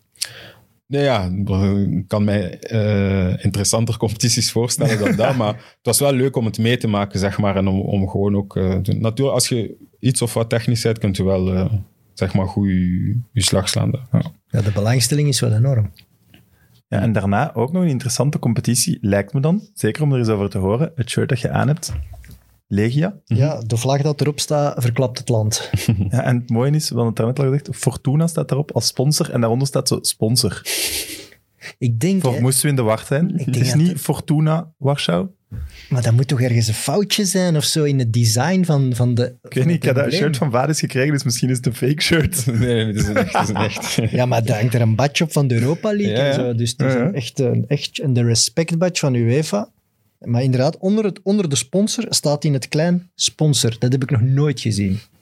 Maar ik vind het wel een mooi shirt. Ja, het heeft wel iets. Ja. Nee, Eh, zeg maar. was een leuke periode en eh, super, ah super periode eigenlijk voor mij. Een beetje apart hoe dat ik daar gekomen ben, maar eh, Hoe dan? Was er toen interesse bijvoorbeeld van, vanuit België om terug te komen? jawel, wel. Ik, eh, allee, op, op dat moment waren er wel gesprekken aan de gang, maar eh Besnik was, was daar trainer bij, eh, bij Legia. En ehm, ik had een beetje een moeilijke periode in mijn, in mijn privéleven, zeg maar. Mijn moeder is toen eh, overleden. Hm. En ik wou absoluut niet meer bij dezelfde trainer blijven in, in Norwich. Ehm, Dat snap ik nou wat ik Want heb. nadien, na de Premier League zei hij van ja, nu gaan we naar Championship. Nu ga ik u echt uw kans geven. Dus ja. toen dacht ik van oké, dat heb ik al gehoord. Ehm, en dan ben ik gewoon, eh, zeg maar, eh, bij Besnik gegaan. Gewoon omdat ik echt wedstrijden wou spelen. En eh, ze stonden ook dicht bij Champions League. Dus ze hadden nog twee rondes, als ik me niet vergis. Of één ronde dat we moesten overleven om in de Champions League te geraken. En toen dacht ik van ja, ik ga gewoon, zeg maar, erop wagen. En, Ik snap het wel, want je komt wel binnen bij Hazi. Hij kent u als speler heel goed. Hij gaat u niet zo Ja, voilà. gebruiken zoals dat. Ja, ik had echt zeg maar, het vertrouwen nodig van iemand en eh, niet steeds weer eh, om, tuin, om tuin geleid te worden door, eh, door de trainer. Dus, ehm, maar uiteindelijk heeft hij ook niet super lang daar gezeten. Dus. Ja. Maar het is wel een stap naar Warschau. Ja, Wat voor absoluut. ons vanuit België heel ver weg lijkt. De Mhm. Poolse competitie, daar weten we echt niks van. Nee, ja. Ik denk niet dat heel veel spelers eh, dat zouden doen. Dus, eh, maar voor mij was het op dat moment gewoon... ehm, ja, ik wou gewoon veel wedstrijden spelen. En ook het feit dat, dat we misschien Champions League konden spelen. Dat was voor En mij uiteindelijk genoeg spelen om- jullie Champions League, hè? Ja, uiteindelijk hebben we het gehaald. goal van u in Real? Nee, thuis tegen tegen Real? Real, ja. Oké. En Real op de paal, spijtig. Ah ja, zo was het. Als je dat kan meemaken. Want ja, Legia Warschau. Legia Warschau is dan natuurlijk wel binnen Polen een van de belangrijkste clubs. want dat- is eigenlijk een beetje Anderlecht of Club Brugge van Polen. Dus wij, wij kennen dat misschien niet, maar dat is wel echt een heel grote club met heel veel trouwe fans. Maar ja, is hoe moeten we dat niveau... Ja, ja, als ze tegen Real Madrid spelen en niet verliezen. Hè, Ja. Sheriff heeft ook gewonnen van Real Madrid dit jaar. Ja, Dus topploeg, hè. Nee, bijvoorbeeld niveau- Legia toen, Mm. hoe zouden die het toen in België gedaan hebben? Het is altijd moeilijk, hè, dat weet ik, maar... Ja, is moeilijk om te zeggen, maar ik denk wel dat we... Allee, op dat moment hadden we echt ook een goede ploeg. We hebben nadien ook... eh, zijn we, toen, eh, nadien hebben we ook in de Europa League gespeeld, tegen Ajax bijvoorbeeld. En eh, eh, hebben we thuis gelijk gespeeld, dacht ik, of net verloren. En eh, in Ajax gelijk gespeeld. Dus uh, allee, we waren niet zeg maar een, een En dat is het jaar makkelijk dat zij de Europa League finale spelen. Ja. Ja. Dus het was echt ja, we hadden een goede ploeg. Ook een paar echt goede spelers. En dan de rest wa- waren echt... je moet weten dat de normale Poolse spelers, zeg maar, super harde werkers zijn. En eh, die combinatie die wij hadden was echt wel, eh, echt wel goed. Dus eh, Ja, en moest wonen in voor- Warschau lijkt me ook nog wel cool. Ja, ja, was super tof. Ja, super maar je zegt, dat is toch een gigantisch grote stad, hè? Dat is echt een miljoenenstad. Ja, super grote stad. Dus eh, ja, je, mocht, je kunt een beetje kiezen waar dat je woont. Of de meeste spelers gaan allemaal samen gaan wonen. Ehm, maar ik wou echt in de stad wonen voor als mijn vrienden op bezoek kwamen of familie op bezoek kwamen, dat ze echt zeg maar, in de stad konden, konden zitten. Maar het is, ja, het is eh, ja, super, super grote, super mooie stad. Eh, super veel dingen te doen. Dus eh, het enigste moeilijk is natuurlijk de taal. Maar Hm. Maar kunnen ze daar geen Engels? Jawel, wel. Ja. De, me- de meeste mensen, jonge mensen spreken allemaal Engels. Ehm, maar ehm, ja, het was, het was super fijn. Iedereen die op bezoek kwam ook, wou onmiddellijk eh, terugkomen of, eh, of blijven. Omdat het echt super, eh, super fijn stad was. Ja, Paul Gijsens heeft dat daar toch helemaal volgebouwd, hè? Mhm. daar, hè? Dat Ja. er heel, heel veel blokken van Paul Gijsens Ja, zijn. Ja, en vodka, hè? Is dat niet zo wat de... Ik weet het niet, is dat niet? Dat is toch... Dat is toch Rusland eerder? Ja, dat denk ik wel. Maar de Polen kunnen ook stevig, stevig drinken. Dus, Ja, dat geloof ik. Maar ik ben eens in Sint-Petersburg geweest en dan moet je tussen elk gerecht om je mond zo wat te spoelen, een shotje... ja, dat was bij ons niet het geval. Nee, voilà. Gelukkig. Ook in Rusland, maar hebben ze mij dat wijsgemaakt. I don't know. Het is gewoon overal waar dat jij komt, serveren ze sterke drank. Dus ja, Eh, ga ik niet op ingaan. maar wat mij ook wel opviel, als je zo eh, filmpjes ziet van Legia, Mhm. die supporters in dat stadion is ook wel... Ja, dat was, eh, dat was gek, echt. eh. en ook de, de, de supporters die ja, hebben de club een beetje in handen, zeg maar.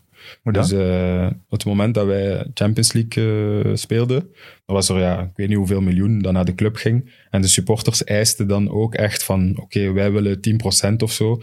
Echt om, zeg maar, die tyfo's en acties die zij doen, Ah, ehm, zeg maar, verder te doen. En echt, de tyfo's die zij maakten, was, was, echt eh, ongelooflijk. En echt super trouwe fans. We gingen naar Real om daar te spelen. En het vak zat echt helemaal vol. En ja, echt super, eh, super trouwe fans. Maar dat, zijn, dat is daar dat ze ook die tyfo's die zo altijd bewegen en Ja. zo. Ja, ja. Onlangs is het een hele leuke... trein die, die beweegt, die daar dat er rook dan uitkomt met Bengaals vuur en al. Echt super. eh, Hoe is dat speler? Let je daar echt op? Ja, sowieso. Hè. Sowieso. Allee, toen dat wij Champions League speelden, was eh, ik denk de eerste keer in 26 jaar dat ze opnieuw eh, Europees eh, allee, Champions League speelden. Dus ja, de fans waren uitzinnig natuurlijk. Ehm, leuk verhaal. De Besnik had toen gezegd van oké, we spelen tegen Dortmund. We gaan zorgen dat het gras een beetje langer is voor de combi- snelle combinatie van Dortmund tegen te gaan en zo. En na 20 minuten was het 3-0 voor Dortmund. kan gebeuren. ja. maar zo in Warschau zelf, word je daar dan herkend? Of is dat too much? Is dat too big? Is een voetballer? Nee, nee, nee. De mensen, wat dat wel goed was, is dat de mensen super respectvol waren. En ze lieten nu echt eh met rust, zeg maar. En dan als het dan evenementen waren of als je op straat liep, zeiden ze gewoon hallo, vriendelijk. Maar zeg maar... Die allee, zijn sowieso wel wat afstandelijker, lijkt Ja, mij. voilà. Polen. ja, ik denk dat dat het was. Dat iedereen nu echt laat doen wat dat je wilt doen. Of als je gewoon rustig op straat loopt met je familie of zo, laat ze je echt eh, doen. Maar ja, ze herkennen nu wel en super harde fans. Iedereen dat je tegenkomt is Legia-fan. Dus het is niet eh, Chill. dat je in Gent loopt dat er ene voor Bruggen is, ene voor Nee, Gent, ene ja. voor...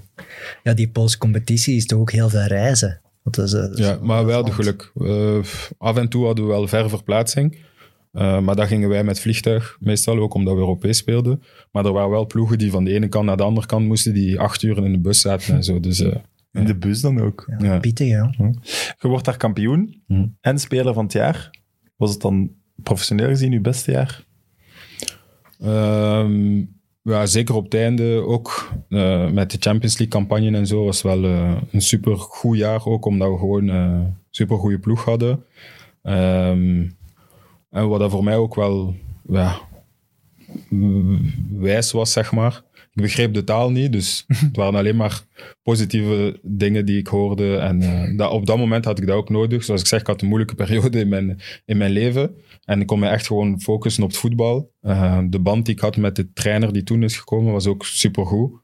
Ehm hij begreep mijn situatie ook volledig. En als ik mij niet goed voelde of zo, zei hij ook van oké, ga maar naar huis. Maar ik wil wel in het weekend dat je top bent. En, en hij liet mij ook echt... eh, ja, Vertrouwen. Ja, inderdaad. vertrouwen. Je voelde echt vertrouwen van iedereen. En ja, dat is gewoon dat is wel een go- echt goede periode. Ja. Ik zie mij al zo, de, de Poolse gouden schoen wordt uitgereikt met een tv-show en jij zit daar dan en je verstaat daar geen fluit van. Ja, ik had zo'n eh, zo'n oortje eh, met de vertaling dan. En dat was echt zo een show ook. En ze hadden dan allerlei dingen eh, gemaakt, zeg maar, Belgische chocolade en zo. En gewoon zo grappige dingen, zeg maar. Maar ik zat daar inderdaad en ik begreep niks tot als ik mijn naam hoorde. En toen... eh, En immense En applaudisseren. de Ah, de, de, dus we zijn kampioen gespeeld en die, die, die show, zeg maar, was de dag nadien. Maar na de wedstrijd van, eh, van het kampioenschap ehm, moest ik dopingcontrole doen. En toen hadden ze mij superveel bier gegeven, maar ik drink nooit bier. Allee, ik lust dat Oh, zelf dan niet. moest je veel pissen. Ja, maar... Dus je dat- wordt zat. ja, niet zat, maar ik had gewoon hoofdpijn en ik voelde me echt slecht omdat ik nog nooit bier had gedronken. En ze hadden mij zo twee halve liters gegeven en ik maar drinken, want ik wou op de bus gaan om de viering mee te maken. Dus eh, ja, dus, eh, die dag had ik wel een beetje afgezien. Twee En halve liters. Ja, Sam, niet iedereen heeft uw levensstijl. Hè? Nee, maar, nee, maar dat, jij insinueert altijd, Ja. maar dat, dus ik vond het Ik gewoon speel grappig. dat uit. Maar de, de gouden schoen in Polen, wat is dat? Een gouden vodka shot glasje of zo? Ik weet het Maar niet. Nee, nee, we hebben echt een niet? trofee, eh, trofee gekregen. en, eh, Ja, lach er maar uit, zo maar is dat mag. Dat mag. nee, dus, Maar het is eh, geen gouden schoen. Nee, we hebben zo'n trofee gekregen van een sponsor. Ehm, en dan hadden we ook nog een keer best- beste verdediger, beste middenvelder, beste aanvaller. En ik had ook beste middenvelder gewoon, dus ik had twee trofees gekregen. Oké. Ik heb nog een vraag van Hans. Eh, die was in het stadion blijkbaar toen jullie kampioen speelden met Legia Warschau. Hola. Ja, Dat is zal wel- straf. Ja, zal het bewust zijn Een Belg? Ja, Oh, cool. eh, Red Magic is dat. Ah ja, oké. Voilà. Ehm, hij zegt, je was er immens populair. Heb je spijt dat je bent weggegaan? Ehm, eh, ja, dus er gaat een heel verhaal aan vooraf natuurlijk. Eh, maar ik dacht wel dat ik vond wel dat het tijd was om, om zeg maar een volgende stap te zetten. Omdat ik ook op een leeftijd was gekomen dat ik nog iets kon maken van mijn carrière, zeg maar, of nog een verdere stap zetten. Ehm, Je waart ook naar daar gaan om je carrière te reviven. ja, inderdaad. En dus ik had beloofd toen om zeg maar een jaar daar te blijven. Dat was de, de bedoeling, zeg maar. Ehm, en eh, na een half jaar kon ik eigenlijk naar ehm, eh, New York ehm, City. En Doen. ja, dus toen was, de, nu, toen was de coach Patrick Vieira. En, eh, dus we zaten op trainingskamp in, eh, in Spanje, met Legia. En hij belde mij constant en hij zei van ja, kom af en dit en dat. En het probleem is, ik had de belofte gemaakt dat ik daar een jaar ging blijven. Dus toen had ik al zoiets van, oké, als jullie niet willen dat ik ga, dan blijf ik. Dus ik ben ik gebleven. Zijn we kampioen gespeeld. En toen had ik zoiets van, ja, nu is wel het moment om, eh, om te gaan, zeg maar. Uiteindelijk, ja, ehm, zou ik eigenlijk naar Rusland gaan. En eh, dat is eigenlijk fout gelopen. En toen, eh, een beetje uit paniek, eh, ben ik naar Olympiakos gegaan. Uit paniek dat er niks meer zou komen. Nee, nee, nee. Dus ik, ik had, we hadden een privévliegtuig genomen samen met mijn manager naar Oostenrijk, denk ik, waar de Krasnodar zat. Dus ik eet samen met hun, we doen alles. En de volgende dag, de dag daarna had ik medisch testen en dit en dat. En dan die avond zou ik tekenen bij hun. Dus zij sturen een contract door, waar dat alles, waar dat we zijn overeengekomen. En in dat contract stond bijvoorbeeld eh, dat ik, eh, als ik mijn contract zeg maar eenzijdig eh, verbrak met hun, moest ik hun 30 miljoen euro betalen. Oela. Dus ja, toen dacht ik van ja, ik ga naar Rusland, ik ken daar niks of niemand. Ehm, Soms nooit. hoort je wel eens van die verhalen van dat een speler gepusht wordt om zijn contract te verbreken. Dus ja, als ik dan 30 miljoen euro moet betalen, ik ga niet, eh, allee, dat heb ik niet. Dus eh, toen dacht ik van oké, we gaan dat gewoon oplossen met advocaten. Dus ik zeg tegen mijn advocaat van luister, ehm, probeer dat eruit te doen. En zeg gewoon dat we het dubbele van de transfersom die zij betalen, dat we dat betalen. En dan is het oké. En zij zeiden van ja, nee, het is dit of het is niks en dit en dat. En toen dacht ik van ja. En toen uiteindelijk hebben zij nog proberen insinueren dat ik niet medisch in orde was. Dus ja, toen dacht ik van ja, als dat verhaal naar buiten komt, dan zit ik met een probleem voor mijn volgende club. Ja, ja, tuurlijk. Ehm, en dan ja, in paniek eigenlijk eh, heb ik contact opgenomen met, met Olympiakos, die al geïnteresseerd waren. En toen hebben zij gezegd van ja, kom gewoon naar hier en dan regelen we alles. En dan ben ik naar daar gaan. En op dat moment had ik misschien gewoon bij Legia moeten blijven. Ja, wel een raar verhaal van die 30 miljoen. Ja, die Russen, jong. Blijkbaar standaard in het contract. Ja, nee, maar ja, die, ik weet het niet. Ja, die zetten nu onder druk eigenlijk. Die proberen nu ergens onder druk te zetten. Ja, nee, misschien staat dat standaard in elk contract, hè, dat weet ik toch- niet. Maar toch iets raar om standaard in... Ja. Nee, dat zou ook 30 miljoen, dat lijkt me zo'n buitensporig bedrag. maar, Geen enkele jurist dat dat toch binnen proportie en gaat waarom, waarom is Olympiakos eigenlijk een, een, een, nood, een noodgeval? Want het is wel een mooie club, toch? Dus ook wel een transfer, toch? Dat is een transfer omhoog, denk ik wel, ja. maar bieden die dan zoveel meer loon dan dat je bij Legia zou kunnen, moest je verlengen of zo? Lijkt me nog wel... Nee, Legia heeft geprobeerd om mij, om mij daar te houden. Dus eh, het contract dat ik daar ook kon tekenen was ook eh, ja, super, super goed contract. Maar ja, ik had zoiets van, eh, ik wil nog een volgende stap doen. En toen ben ik ook naar Olympiakos gegaan. Allee, voor mij is dat ook een grote club. En eh, dacht ik van, ja, dat gaat ook goed zijn. We spelen ook Champions League en zo. Besnik was daar ook trainer. Oh, dus hij zei van, eh, kom, maar, kom, maar, kom maar naar hier. Eh Carcela had daar toen ook getekend. Silvio Proto. Ehm, dus Bjorn Engels ook. Dus ben ik naar daar gegaan. Maar na een paar maanden zijn we, dan, allee, zijn we daar in problemen gekomen, zeg maar. Hebben ze ons eh, beroofd bij ons thuis. Mijn vrouw was eh, net... eh, mijn, mijn dochter was net geboren, die was een paar maanden oud. Ehm, en ja, mijn vrouw was dan super bang en wou absoluut daar niet meer blijven. Ja, dat snap Ehm, ik. Dus ja. En dan van het een kwam het ander en zei ik van ja, ik wil weggaan. En dan ruzie met de club en dit en dat. Dus. Goh, dat is wel pittig, maar dat wist ik helemaal Nee, niet, dat jullie ook daar niet. beroofd waren. Waren jullie thuis? Nee, we waren niet thuis, gelukkig niet. Dus eh, Het blijft een vies gevoel als je Ja. thuis komt dan en je ziet dat er iemand binnen bij mij en mijn buurman. Dus we hadden eh, twee huizen naast elkaar. En daarboven woonde de eigenares zeg maar, van, die, van heel die blok. En eh, bij ons allebei is ingebroken. Dus eh, Pittig. Ja. En maar in- op dat moment, de eerste, pff, ik denk vijf maanden, nee, de eerste vier maanden bij, Le- bij Olympiakos, denk ik dat er zes spelers of zoiets overvallen werden. Dus het is geen toeval ook. Dat klopt. Nee, dat hoor je wel vaker. Hè? Dat, er, dat, is, dat is een, In Engeland is dat nu ook echt een een rage. Hè? De- Ja. eh, in Zahavi, de spits van PSV, Ja, denk mm, ik, die, ook, denk dat hij al twee keren overvallen is. Je, je hoort het meer en meer. Mm. In Italië toch ook vaak. Hè? Spelers die van huis zijn tijdens een wedstrijd en dat ze dan net gaan inbreken. Het is echt een plaag. Ja. En het is vaak, en dat is erg om te zeggen, maar het zijn vaak van, su- van de eigen supporterskernen. Hè? Omdat die vaak weten wie waar woont, wie wanneer weg is. Dat is hard, hè? Dus dan begin je bij Olympiakos ook misschien al te twijfelen. Hè? Ja, dat is zeker. Allee, Als het eigen fans geval, zijn, ja, dan, dan snap ik meteen dat je, dat je een vies gevoel krijgt bij de plaats waar dat je dan zit en dat je dan weg wilt, dat begrijp ik volledig.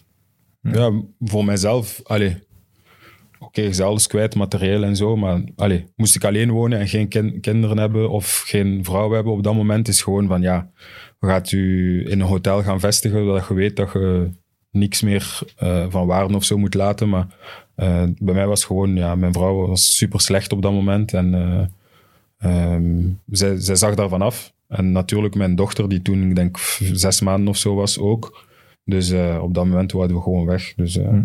Hoe was dat jaar sportief? Beetje met In de begin- Jupiler Pro League All-Stars die Azië daar had neergezet. Nee, in het begin was, was alles goed. En ook in de Champions League hadden we ook redelijke resultaten. Gelijk gespeeld tegen Barcelona onder andere. Ehm, Dat was een goed resultaat toen. Ja. Ehm, dus ja, voor mijzelf ging het super goed en was iedereen super tevreden over mij. Maar natuurlijk, nadien eh, werd ik gelinkt aan andere clubs en eh wou ik ook weggaan. En toen zijn de problemen begonnen eigenlijk. Dus de voorzitter belde mij en zei van, eh, je moet om, het was bijvoorbeeld zes uur s'avonds. En hij zei van, ja, je moet om zeven uur stipt bij mij op kantoor zijn. En ik had die mail niet gezien. En om 7.30 uur stuurt hij ja, 50.000 euro boete. Ehm, zo van die dingen. En dan kom, constant met advocaten. En dan op een gegeven moment zeiden ze tegen mij van ja, eh, ga, maar op, eh, ga maar op vakantie. Dus de teammanager kwam bij mij en zei van ja, je mocht tien dagen naar België gaan. Dus ik dacht bij mezelf van, hè, tien dagen naar België gaan? In het dat- seizoen. ja, ja, tijdens het seizoen. dus ik dacht bij mijzelf van, hè, tien dagen naar België gaan, dat, dat, dat kan niet kloppen. Dus ik bel naar een advocaat en ik zeg van, ja, ze hebben gezegd dat ik eh, mag gaan. Hij zegt van, ja, je moet schriftelijke toestemming ja. vragen, want anders kunnen ze zeggen dat je gewoon niet komt opdagen. Dus ik stuur een mail van, ja, eh, wilt u dat bevestigen per mail, dit en dat, niemand antwoordt. Dus de, vo- de advocaat zei tegen mij van, ja, ga gewoon naar de club, film dat je jezelf gepresenteerd hebt. En ik mocht gewoon niet binnen in het oefencomplex. Jongens, Dus zij wouden dat ik niet aanwezig zou zijn, zodat zij mijn contract konden verbreken en dit en dat. Dus uiteindelijk moest ik, denk dat ik tien dagen lang ben geweest, moeten filmen van kijk, het is vandaag eh 1 maart, eh 8 uur s morgens. Ik presenteer mij op het oefencomplex, maar ik mag niet binnen. Bla bla. Dat ik die video's doorsturen naar de FIFA, dit en dat. Dus echt een Wat een, miserie. wat een kinderboel toch? Dat is ja, dan, maar dat dat is dan de top. Maar er is van ook een speler die, die, die toen zoiets had. Hij was al volledig uitbetaald. Ah. Eh Emenike, die van eh Fenerbahce kwam of Ja, zo is dat. die Nigeriaanse Nigeriaan. spits. Ja, inderdaad. Hij was al volledig uitbetaald en hij presteerde niet naar behoren van de fans. En die hebben ze dan aangevallen aan het eerste rode licht als je buiten kwam van het oefencomplex. Goh, dat meende niet. joh. Bekogeld met yoghurt en met dit en met dat. Dus eh, ja, dat zijn dingen dat je daar kunt verwachten. En je bent net overvallen geweest, dus ik voelde mij allee, niet echt veilig. Ehm, en dan zit je vrouw daar met je dochter van een paar maanden oud. Dus Het is ook niet dat je daar de taal sprak, vermoed ik. nee, inderdaad. Dus, Ja, eh, maar dat, is gewoon, ah, dat zijn gewoon smerige praktijken van Ja. de club. Want ze gaan bijna de fans tegen hun eigen spelers opzetten omdat het er Ja, goed sowieso. uitkomt. Dat vind Ja, ik dat echt vies. Ja. Er moet Dat maar eens iets dingen die in gebeuren. België hè. niet gebeuren bij de topclubs. Nee, ja, wel, ja, daarom, daarom ben ik ook Ja. teruggekomen naar. België, omdat hier alles... Ja, Nee, maar ik moest even de geruststelling na alle verhalen die we de laatste tijd horen. nee, dat zijn dingen die in België niet... Ja, allee, moet voorlopig heel- toch nog niet zijn Er moeten al een paar echte zotten zijn dat dat in België zou gebeuren. Maar inderdaad, in de Zuiderse er landen denk moet ik... filmen voor. Ja. Yo, het is vandaag donderdag. Ik ben hier Ja, weer. moet je anders, niet anders binnen. Ja, nee, ik bewijzen dat snap je... ja, maar ook die mensen die aan dat oefencomplex werken... Allee, daar heb je waarschijnlijk een goede relatie mee. Die Ja, kennen nu toch. Dan moeten die dan zeggen, ja, nee, sorry, je mag niet binnen. Ja, Ja, ja. super, super lief, die, die, die, die gateman, zeg maar. Elke dag, ja, sorry. En dan ik zeg, ja, gaat de teammanager maar halen. En die ging die dan zo super braaf gaan halen. En dan kwam die en dan maakte ik ruzie met hem. En dan ging ik weer- Wat zeggen dan? Laat me nu binnen. ja, ik zei, ja, wat Ja, gaan we die als reden? Ja, maar je Ja, werkt nee, daar. De, de, voorzitter heeft gezegd dat je niet binnen mocht. Maar Om de, om de Zeker. twee, ja, om de maand en een half, twee maanden, kwam er, was er een meeting. Dan moesten we allemaal in de, in de perszaal gaan zitten. En dan kwam er iemand van de club babbelen en zeggen van ja, alles wat jullie lezen over de voorzitter is niet juist en dat klopt niet en dit en dat. Want hij kwam constant negatief in het nieuws met drugsmokkel en dit en dat. Dus dat is echt iemand die... Zot. Gek. Dat is ook, we hebben het opgezocht, het eerste jaar na zeven Ja, titels op rij, geen Olympiakos niet kampioen wordt. Maar in Griekenland wordt vaak eh, betaald. Hè, voor, eh, dus in het begin van het seizoen weten sommige mensen al wie dat er kampioen gaat spelen. en de spelers zeiden dat zelf. Hè. Spelers die daar al drie, vier jaar waren, die zeiden van ja, vorig jaar hebben we penalties gekregen, dat wij zelf beschaamd waren, dat we die penalties kregen omdat er echt niks aan de hand was, maar toch. Hebben ze u daar dan ooit benaderd? Nee, je wacht altijd aan het andere kamp. Nee, maar ik denk niet zozeer dat ze spelers benaderen, maar gewoon... eh, scheidsrechters ja. en... En ook ja. heel veel topclubs in Griekenland bezitten zodanig veel spelers dat ze ze gewoon stallen bij andere clubs. Dus als Olympiakos, ik zeg maar iets, 50 spelers eh, heeft, dan zijn er 20 spelers die uitgeleend worden aan kleinere clubs. Dus eh, ja, als ze dan in een moeilijke situatie komen en spelen tegen drie ex-spelers, dan zeggen ze van oké, we gaan dat wel regelen of dit of dat. Dus Ja, zot. Ja, Hugo Kuipers hè, is jarenlang eigendom geweest van Olympiakos. Hè. Echt? En die Ja, werd van- constant uitgeleend Ja, van- aan tweede klassers, een keer een lagere en een eerste. En zo hebben die inderdaad heel veel spelers onder zich. Maar de voorzitters van die topclubs, hè, Panathinaikos, Olympiakos, eh AEK Athene, dat zijn daar vaak echt wel de, de grote businessmannen, hè, de grote figuren, de grote mediafiguren ook. ja, voor de, voor de supporters van Olympiakos bijvoorbeeld is de voorzitter eh, een god. Hè? Ja. Dus hij kan niks, eh, niks verkeerd doen. Dus alles wat het er... eh, hij bezit ook, denk ik, heel veel eh, media, zeg maar. De kranten en dit en dat. Dus Berlusconi geweest. Ja. ja, zo... zo Dan zeg je eigenlijk nu wel aan jonge spelers of aan Belgen die daar in de belangstelling staan van ga niet. Of denk heel goed Sowieso, na. op jonge leeftijd zou ik niemand aanraden om naar daar te gaan, want eh, sportief is niet eh, wat lijkt, zeg maar. Eh, we hebben daar wedstrijden gespeeld dat we naar, eh, op Kreta en zo moesten gaan voetballen. Dat is precies of dat je tegen eh, tweede provinciale of zo gaat spelen. Met zo stalen tribunes en zo aan de zijkant. Dus, ehm, Ja, want hoe was de sfeer in het stadion? Dat lijkt me toch nog wel zot. Ja, de topwedstrijden, is, eh, is- een topwedstrijd, Olympiakos tegen Panathinaikos, tegen AEK Athene, dat is, dat, is, dat is top. Maar ehm, ja, we hebben, we hebben pff, hoeveel keer dat we na de wedstrijd hebben vastgezeten in het stadion, dat er eh, traan was, traangas werd gesmeten, dat we drie uur lang na de wedstrijd gewoon vastzaten in de, in de kleedkamer. Omdat we niet buiten konden. Omdat jullie dan niet gewonnen hadden. Ja, of gewoon de tegenpartij die eh, traangas eh, smeet en dat er gevechten waren en dat wij gewoon eh, vastzaten. Dus dat is constant gevechten tussen die supporterclans en dit en dat. Dus. En als je dan niet won, we hebben een wedstrijd niet gewonnen tegen Panathinaikos. Zaten we vast in de kleedkamer. Nadien zijn we, hebben, heeft de bus ons naar ons eh, oefencomplex gebracht om iedereen naar huis te laten gaan. En onze supporters stonden daar. En onze buschauffeur zette ons expres bij de supporters af. Die hadden twee rijen gemaakt en die sloegen gewoon op iedereen die passeerde. What the Eh, dingen, pis in flesjes, over dingen smijten en zo. Maar allee, gast, jongen, dat gaat er toch ver over. Hm? Maar dat zijn dan de dingen die je toch ook niet... Die zijn toch niet tot hier gekomen? Nee. Ja, het probleem is als jij bij die club speelt en op dat moment zegt jij van eh, ik breng dat naar buiten of ik ben niet Ja, tevreden nee. of dit of dat, keren de supporters zich Dat tegen u. Dus dan heb jij geen toekomst meer. Nee, maar En- ik weet dat er hier wel stond. Vadis wil, wil al terug weg bij Olympiakos. Ja, voilà. Maar ja, Zo, zonder uitleg, zonder iets. Dat ik dacht, Ja. maar ja, Ja, het is, ze jij bent tegen heel de Griekse media bezig. Die Grieken willen hun land ook beschermen. Ah, ja, absoluut. Ja, nee, Daar ik snap is, dat je dat eh, daar dan niet lekt. Maar die buschauffeur, als hij zijn deuren open doet, zegt hij dan niet, hey, Pipo, Nee, maar dat is 10 meter afgesproken van de club. Maar dat is ook een fan, hè? Dat is, nee, dat is afgesproken van de club. Dus de club zegt van, eh, ah ja, ze hebben hun best niet gedaan, zet ze maar daar af. Terwijl dat we twee ingangen hebben op het oefencomplex. Dus hij kon even goed naar de andere kant rijden bijvoorbeeld. Maar dat is gewoon, ja, dat is afgesproken. dat is crimineel. Dat zijn echt gewoon de goed op de praktijken. Ja. Ja. Ja. dat is echt ongelooflijk. Want wij zijn soms hier in België al verbaasd. Bijvoorbeeld eh, bij Standaard kunnen de fans ook wel eh, aan het Maar oefencomplex dat is staan en eh, zo. niks niet vergelijking vergelijk- met wat dat daar Daar is er allemaal... een volledige versmelting met de club zelf. Mm. Ja. ja, de Nee, fans zijn daar de baas, hè. Ja. Door dat soort Maar dingen. in dingen Portugal ook, hè? bij Sporting bijvoorbeeld. Ja, Dos dat toch een keer... eh, op, op training hebben ze die Ja. aangevallen. Dat is juist, ja. De verhaal, Ja, ja, de harde kern is eh, op training binnengevallen bij de spelers en heeft daar echt liggen vechten met spelers. En Bas Dost was daar toen bij. Bij Legia is het onlangs ook, eh, zijn ze in de bus binnengedrongen, maar ze staan super laag. En eh, zijn ze in de bus binnengedrongen en hebben ze ook twee spelers onder handen genomen. Maar Dus, eh, nee, dan zitten bij agent onder Hein wel veilig. Hein stuurt die allemaal de bus af. Ja, onze, onze supporters zijn ook eh, hevig en ik ben het ook al een paar keer moeten gaan uitleggen natuurlijk. Maar natuurlijk, Maar ja, anders, ja toch? die praktijken Anders. zijn niet... eh, En ook, de club helpt hun niet om tot bij jullie Nee. te geraken. nee, nee, sowieso.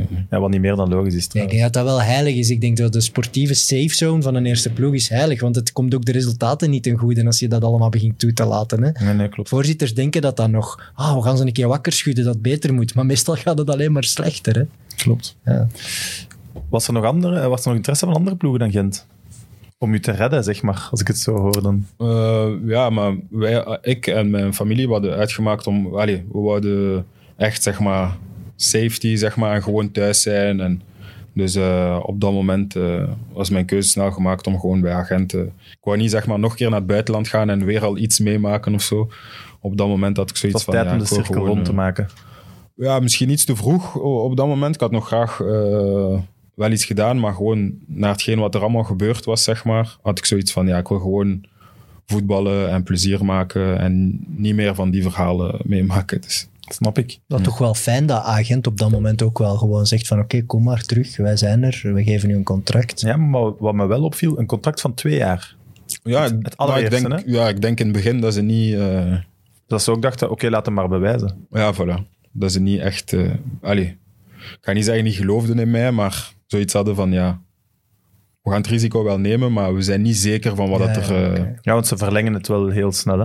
Na een Voilà. jaar of zo. En nadien, eh, voilà. Trouwens, nu voelt wie- je daar- Die, wie, er, die Ah. wint en zo hoort. Onze ja. studio wordt hier ook aangevallen. Storm Franklin of wie is het? Is het al, Ik weet al niet meer waar dat we zitten. Het gaat zo Griekse toestanden. Ehm, wat heb ik hier nog staan? Had A-agent dit seizoen al meer punten moeten hebben? Ja, sowieso. Gaan jullie eh play-off 1 halen? Ik hoop het. Ik hoop het. dat is mediatraining, jij moet het zeggen. Wat kan hij zeggen? Ze hebben gewoon een heel slechte competitiestart genomen. Hè. Mhm. Ik denk dat het daar, daar hebben ze het laten liggen. En als je nu ziet, An- vooral Anderlecht was lang in het vizier om die vierde plaats te claimen, maar ik vind Anderlecht redelijk stabiel ondertussen. En het is al vijf punten. We spelen nog tegen Anderlecht. Ah, oké, dat wist ik niet. En het is vijf punten als jullie de match tegen Ja, Spa ja. winnen. Hè? De inhaalmatch Maar, tegen. Serrain winnen en dan tegen Anderlecht, ja, dan, sorry, dan neem ik het terug. Het kan eigenlijk allemaal nog. Mediatraining. Nee, maar de andere drie zie ik er zeker niet meer uitvallen, eerlijk gezegd. Nee, kan. Ondanks dat Antwerpen nu weer een steekje liet vallen tegen misschien wel de beste ploeg van het land. Maar Union, Club Brugge, die zijn zeker. En ik dacht alleen Anderlecht en Gent. En ik denk dat het, ja, gewoon die competitiestart heeft jullie de das omgedaan. Want ik vind op papier, als jullie kern bekijkt, vind ik wel dat jullie eigenlijk er hadden moeten bijzitten. Maar dat vind ik van Racing Genk ook. En die zitten er ook niet bij. En dat, ja, er kunnen geen tien Kunnen er maar vier bij zitten. Hè? Als die- Union daar al bij zit. Er is gewoon een drie. stevige concurrentie aan de top. Dat is gewoon zo in België. En dat maakt het ook wel fijn. Ja, Het is fijn dat Agent en Genk moeten knokken om erbij te zijn. Dat is niet Daar had je minder toe met zes ploegen Ja, gaat in play-off 1. Ja. Dat is de bedoeling, om, allee, waardoor dat ze het met vier hebben gedaan, denk ik. Maar is het voor jullie van cruciaal belang om er nog bij te zijn? Of zegt de club van nee, eh, Nee, nee. we hebben ook wel... Wat denk je? Die van de Wittenen die gaan zeggen, doe maar rustig. Doe maar. Ja, dus- Volgend jaar. Ja, nee, maar die moeten zich, zich op een gegeven moment Zit er nog in bij neerleggen. Nee, hè, nee, nee. Omdat het te laat in Maar gang het is geschoten bij is. neerleggen. Genk moet zich er misschien bij neerleggen. Zij zitten wel echt nog full in de running. Hè? Ja, ik denk dat alles nog mogelijk is. Zoals ik zeg, we spelen nog tegen, tegen Anderlecht. Dus eh, Ik word geviseerd in deze podcast. Ja, nee, sorry maar. Is het niveau nu hoger dan toen we België had verlaten? mm, nee. Hetzelfde? Minder? ja, ik denk dat er nu veel meer jonge spelers eh, rondlopen. Waardoor dat er... eh, Waardoor het gemiddelde niveau misschien lager is, omdat ik zou de niet jonge zeggen speler lager, wel uitschieters heeft in zijn ja. prestaties misschien. Ik weet niet. Het is, eh, het is moeilijk om, eh, om in te schatten, omdat ik ook zelf zeg maar, in een andere periode in mijn carrière ben. Snap je? Dus nu heb ik al ja, vrij veel dingen gezien en meegemaakt. En dat is ook... Nu kijk ik ook anders naar een wedstrijd eh, dan vroeger, zeg maar. Dus, maar ik denk dat er gewoon veel meer jongere spelers rondlopen. Ik denk dat er vroeger iets meer gevestigde waardes waren en spelers van een bepaalde niveau had zo in elke ploeg zo wel twee, drie Ja, en nu zijn er in elke ploeg ja, twee, drie jonge spelers die... klopt. Dus, Ja, jij, moet, jij bent wel echt een van de leiders van Agent. En dan moet je, die rol moet je ook pakken, toch? Volgens een onafhankelijke studie eh, de beste. Nee, ja, ik, eh, Ja, je snapt hem eindelijk. ik, eh, Wacht maar totdat wij aan die plate staan. Doe eens een voorspelling. wie dat er gaat winnen. Ja. Maar ik ken jullie voetbalverleden niet, dus... eh, Onze, Puur op onze, uitzicht. onze bouw wel. heb jij gevoetbald of niet? Pff, minimaal. Ja, maar ik Maar ook, jij hè. wel, Ja, of niet? minimaal. Ah, zeg zo. Je was daar juist bezig van, eh, ik speelde altijd aan de lijn en dit Ah, en ja, dat. ja, dus, op, eh, op laag niveau, hè. Hoe je dat denkt.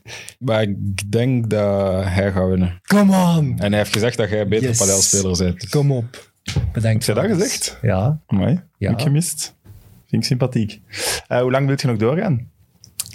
Zolang dat ik voel dat ik zeg maar iets kan bijbrengen en eh, dat ik zeg maar een stuk boven het gemiddelde ben op training en zo, dan eh, wil ik blijven doorgaan. Vanaf dat ik voel dat ik zo midden, midden, middenmoot ben op training en voel dat, dat de anderen veel beter zijn dan mij, dan, eh, dan stop ik. Dat is wel mooi. Die dag gaat, gaat pijn doen. Ik voel het al. Ja, ja, die nu. komt wel ooit, sowieso. hè. Maar, maar ik ben, allee, daar ben ik vrij eerlijk in. En als dat binnen, binnen twee jaar is, dan heb ik daar geen enkel probleem mee. Want allee, ik wil niet zeg maar iemand zijn die er gewoon bij loopt om erbij te lopen. En eh, vanaf dat ik het gevoel heb dat... We hadden daar eens gelezen, dat jij het had gelezen, van dat jij een interview had gegeven en zeggen, zo, naarmate dat je ouder wordt, zo Hmm. lager niveau, 1B en zo. Nee. Als ik stop, stop ik in 1A. Ja. En met agent vermoed ik dan ook. ja, liefst wel natuurlijk. Maar je weet niet wat, het, eh, wat de toekomst brengt. Of zij willen doorgaan met mij of niet. Dus, eh, maar eh, liefst wel bij, bij, bij agent. Dus eh, ik zit daar eh, zeker goed. Eh, maar naar 1B gaan of nog lager om echt zo aan te klampen, eh, is, niet, eh, is Nee. niet mijn ding. hè. Maar wel, voor, ja, voor je plezier voetballen stond er ook wel in het interview dat je dat wel... Ja, dat wel. Dan liever dat gewoon dan... eh, Maar wel, tegen dan moeten wij gewoon een amateurploeg hebben. Kunnen we vaders erbij pakken? Maar zo'n cafévoetbalploeg, je staat daar dan op zondag en dan ineens komt de tegenstander met een vadis af.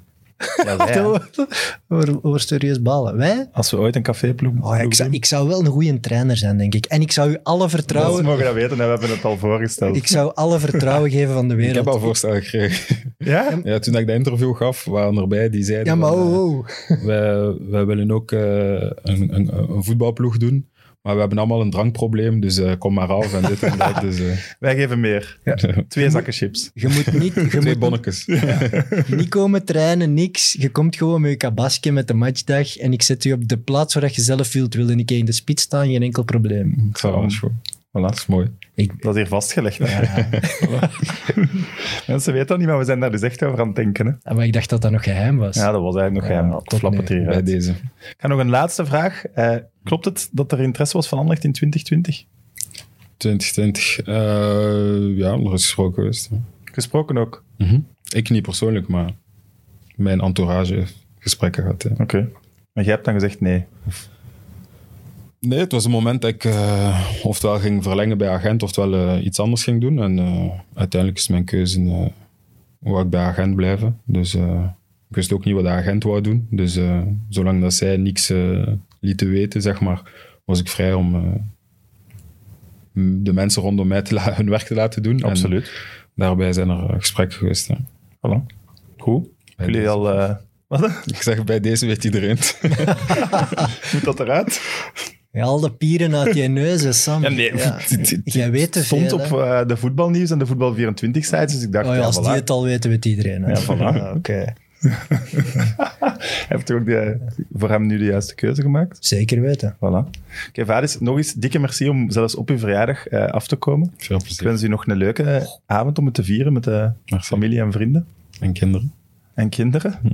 En succes met het eh, ondernemen. Ik had nog Dank één u. tip hè, voor alle kijkers. Eh, bekijk die goals van Vadis nog eens op YouTube en zo. Het zijn bijna allemaal superknappe doelpunten. Dus het doelpunt tegen Real. Madrid moeten ze zien. Het doelpunt eigenlijk dat jij niet maakt, maar dat je met Club Brugge heel het veld overdribbelt. Maar wie scoort er? Dirar? Eh, Perisic? Meunier, dacht ik. Oh, Meunier. Jawel, jawel, Meunier. Maar zowel met links als met rechts, heel, bijna altijd van, of heel vaak van buiten de 16, echt wow, knap.